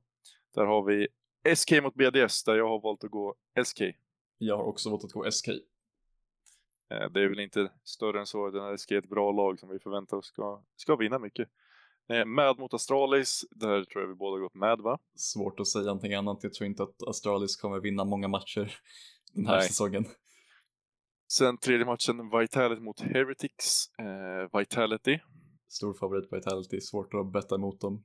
Ja, eh, sen har vi väl en, sen har vi en rolig match. Det är Koi mot Excel. Där har jag faktiskt gått Excel. Ja, jag har gått Koi bara för att eh, jag känner att eh, Koi borde inte ha några problem överhuvudtaget att eh, liksom adjusta in, i säsongen. De har samma lag, bara ändring av topp. Det finns, det borde, det borde inte finnas några synergi eller synergi problem i laget och Koi borde gå fort, fortfarande gå starkt. När jag väl sitter här och när vi har pratat om lagen så vet jag inte riktigt vad jag känner kring Excel eller Koi här. Men jag, jag kommer stanna vid Excel, men jag är osäker nu efter vi har gått igenom och, och pratat om det. Eh, sista matchen då. Här har vi väl det OG. El, El Clasico alltså. El Clasico av LSI. Det är Fnatic mot G2 och såklart har jag gått Fnatic här. Jag har debatterat mycket med mig själv över den här matchen för att jag genuint tror att den kommer vara extremt tight. Eh, jag lutar just nu mer åt Fnatic-sidan och jag kommer att sätta in Fnatic, men det här är absolut inte en liksom expert prediction. Det här är världens jävla 50-50 match för mig i huvudet. Eh, och det kan gå vad som helst, men jag säger Fnatic första match, eh, vinner första matchen mot G2 det här året. Ja, den här är ju stressande för, att, för en just Fnatic-fan att kolla på de matcherna, men jag, jag hoppas och, och håller tummarna för att vi kan vinna den. Sen så har vi den sista dagen av Superweeken, eh, måndagen. Av någon anledning så valde de att sätta den måndagar. Eh, men jag klagar honestly inte, måndagar är trevliga. Eh, SK mot Heretics, jag sätter SK, jag kommer faktiskt sätta Heretics här. Jag tror att de kommer kunna kommer kunna upsätta SK vid det här laget och eh, när SK inte riktigt har satt sig som ett lag än utan att eh, Jankos och eh, kompani kommer kunna göra någonting bra här. De är definitivt ungefär på samma, eh, samma nivå i mitt huvud så det är inte så jättekonstigt att man säger någon av dem olika. De är ungefär lika, lika bra lag i mitt huvud. Eh, XL mot BDS, jag tror båda vi har gått XL där. Det har vi. Ja, eh, G2 Astralis, jag tror både vi har gått samma där också, G2 för mig. Det finns inte mycket argument för Astralis vid det här eh, laget, eller med den här tiden på eh, säsongen, så att ja. Nej, det är tufft. Nästa match är också en riktig banger, Fnatic mot Koi. Jag har personligen gått Koi det smarta hade ju varit att gå Koja, tanke på hur det såg ut i, i semifinalen och att de inte har ändrat någonting. Eh, men jag kommer gå Fnatic igen och det skulle betyda att Fnatic går en 3-0 vecka med det här jag har prediktat. Och när jag säger det så så tänker jag faktiskt inte att de kommer gå 3-0 men eh, jag tänker ändå att eh, det känns ändå som att de kan vinna några av de matcherna med tanke på att de har kvar sin topside. Det hade ju varit drömmen för Fnatic efter en så extremt tung första Super Week med, med Koi, Vitality och G2 samma vecka. Eh, jag går Koi bara på grund av det tidigare nämnda. Eh, de har inte ändrat mycket, de borde ha samma synergi, eh, borde inte vara något problem. Eh, de borde kunna closea ut utan större problem i mitt huvud. Eh, sen sista matchen också en riktig banger. Mad Lions mot Vitality. Jag har gått Vitality och sviker eh, tröjan jag har på mig just nu. ja, jag har ju också gått Vitality här och det är väl ändå Även fast det är väl ändå två lag som kan slåss senare i året om att kunna vinna så är det väl ändå nu rätt, rätt favorittippat att eh, Vitality kommer ta den här matchen. Absolut. Eh, det här är ju väldigt svårt för mig att inte betta Vitality här. Så är det. Och det, är, det kommer bli en bra vecka med mycket bra matcher och spel för mitt Fnatic som ändå kommer ha tre Vitality, G2 och Koi som första vecka. Det är ju inte drömveckan kanske när du satt in en, en ny roster, men vi får se. Det kommer säkert bli, bli jättebra hoppas vi. Då har vi nästan slutat det här. Vi har en liten rolig sak sista här nu. Det är ett quiz där jag kommer söka en eh, före detta eller nuvarande LEC-spelare. Och eh, du kommer alltså få fem ledtrådar Ja. Eh, och gissa på. Eh, men varje så här ledtråd kommer ge den poängen så att fem poäng kommer ge en ledtråd och så kommer det bli lättare. Ja. Är du redo? Jajamän. Då skriver du till mig när du, eh, på vilken du tycker. Ja. På fem poäng. Denna spelare började sin karriär som 17-åring i Olympic e-sport. Olympic e-sport. Vad fan är det? Ja, du får inte säga det. Våra kära lyssnare måste också ha en chans här så att eh, ja. De, eh, vi kan göra lite hissmusik samtidigt som de tänker. Nej, du kan, du kan ge mig frågat. Okej, för Fyra alltså. poäng. Denna spelare spelar utan ljud och med en egengjord musiklista under matcher. Kommer såklart gå igenom de här ledtrådarna efter.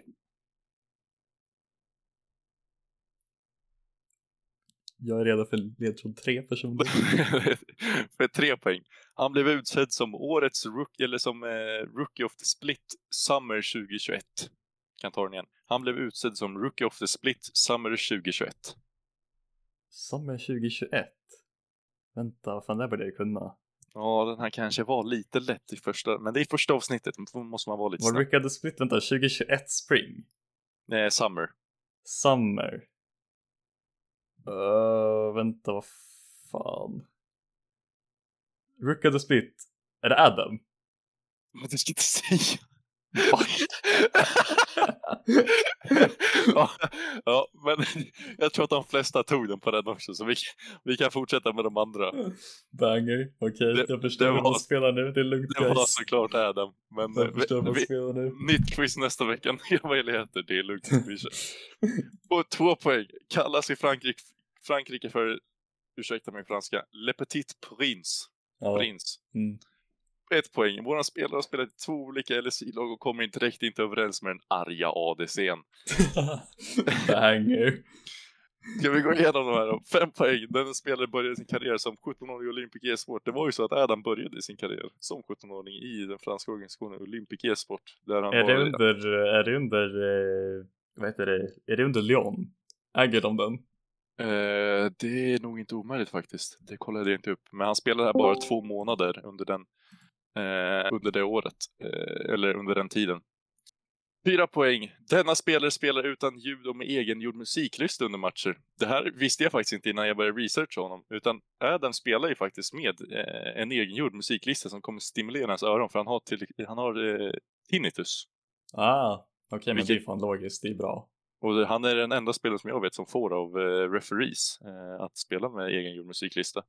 Eh, och han spelar då alltså utan in-game ljud, ska vi säga. På tre poäng. han blev utsedd som Rookie of the Split 2021. Eh, det var väl här alla tog den, det kanske var lite lätt för tre poäng, men det, var ju då den splitten han kom in i Fnatic när Bwipo rollswappade till, eh, till djungel som han, han kom in och gjorde ett rätt bra, han gjorde ett rätt bra split för att vara ny. Eh, det var väl inte det bästa. Nej, jag tänkte att Spring var väl en Joy om jag inte har fel, så jag tänkte fan, det måste ju vara här omkring. Det var där omkring. Eh, och sen så har vi två poäng, kallas i Frankrike Le Petit Prince. Den är ju inte så svår att fatta. Nej. Sen så, eh, ett poäng. Våran spelat i två olika LSI-lag och kommer direkt inte överens med Nadia Odysseen och då eh, menar jag då alltså det stora dramat som hände för ett år sedan med eh, Upset eh, i Fnatic när eh, han behövde åka hemifrån Worlds för eh, personliga problem och Adam gick väl ut i, i Twitter och på media och, och ja, det blev, det blev ett herrans liv kan man väl säga. Jävla kritisk för att inte ha mycket information, även om jag själv också doubtade det, men sen så kom det ut mer information och då kanske man inte riktigt kan vara lika kritisk mot Upsets val längre. Nej, och det var väl kanske inte, Adam kanske ångrar det idag att han, hur han agerade skulle jag gissa. Eh, men det var ju det. Första avsnittet av LSI-podden, nu tycker vi att det har gått. Skaplig tid. Jag tycker också det har gått rätt bra. Vi har fått igenom allting idag. Eh, vi har gått igenom och som sagt, det här, vi kommer ju försöka att eh, ha ett avsnitt i veckan. Eh, vi har ingen speciell dag för att eh, David här är ju du, duktig och går på universitet och har, har skola att göra. Och så. Eh, jag jobbar ju bara så att eh, jag har lite mer tid än dig. Men annars så tack för, jättemycket för att ni har lyssnat. Eh, det har varit en ära. Och vi hoppas att vi kan höras nästa vecka.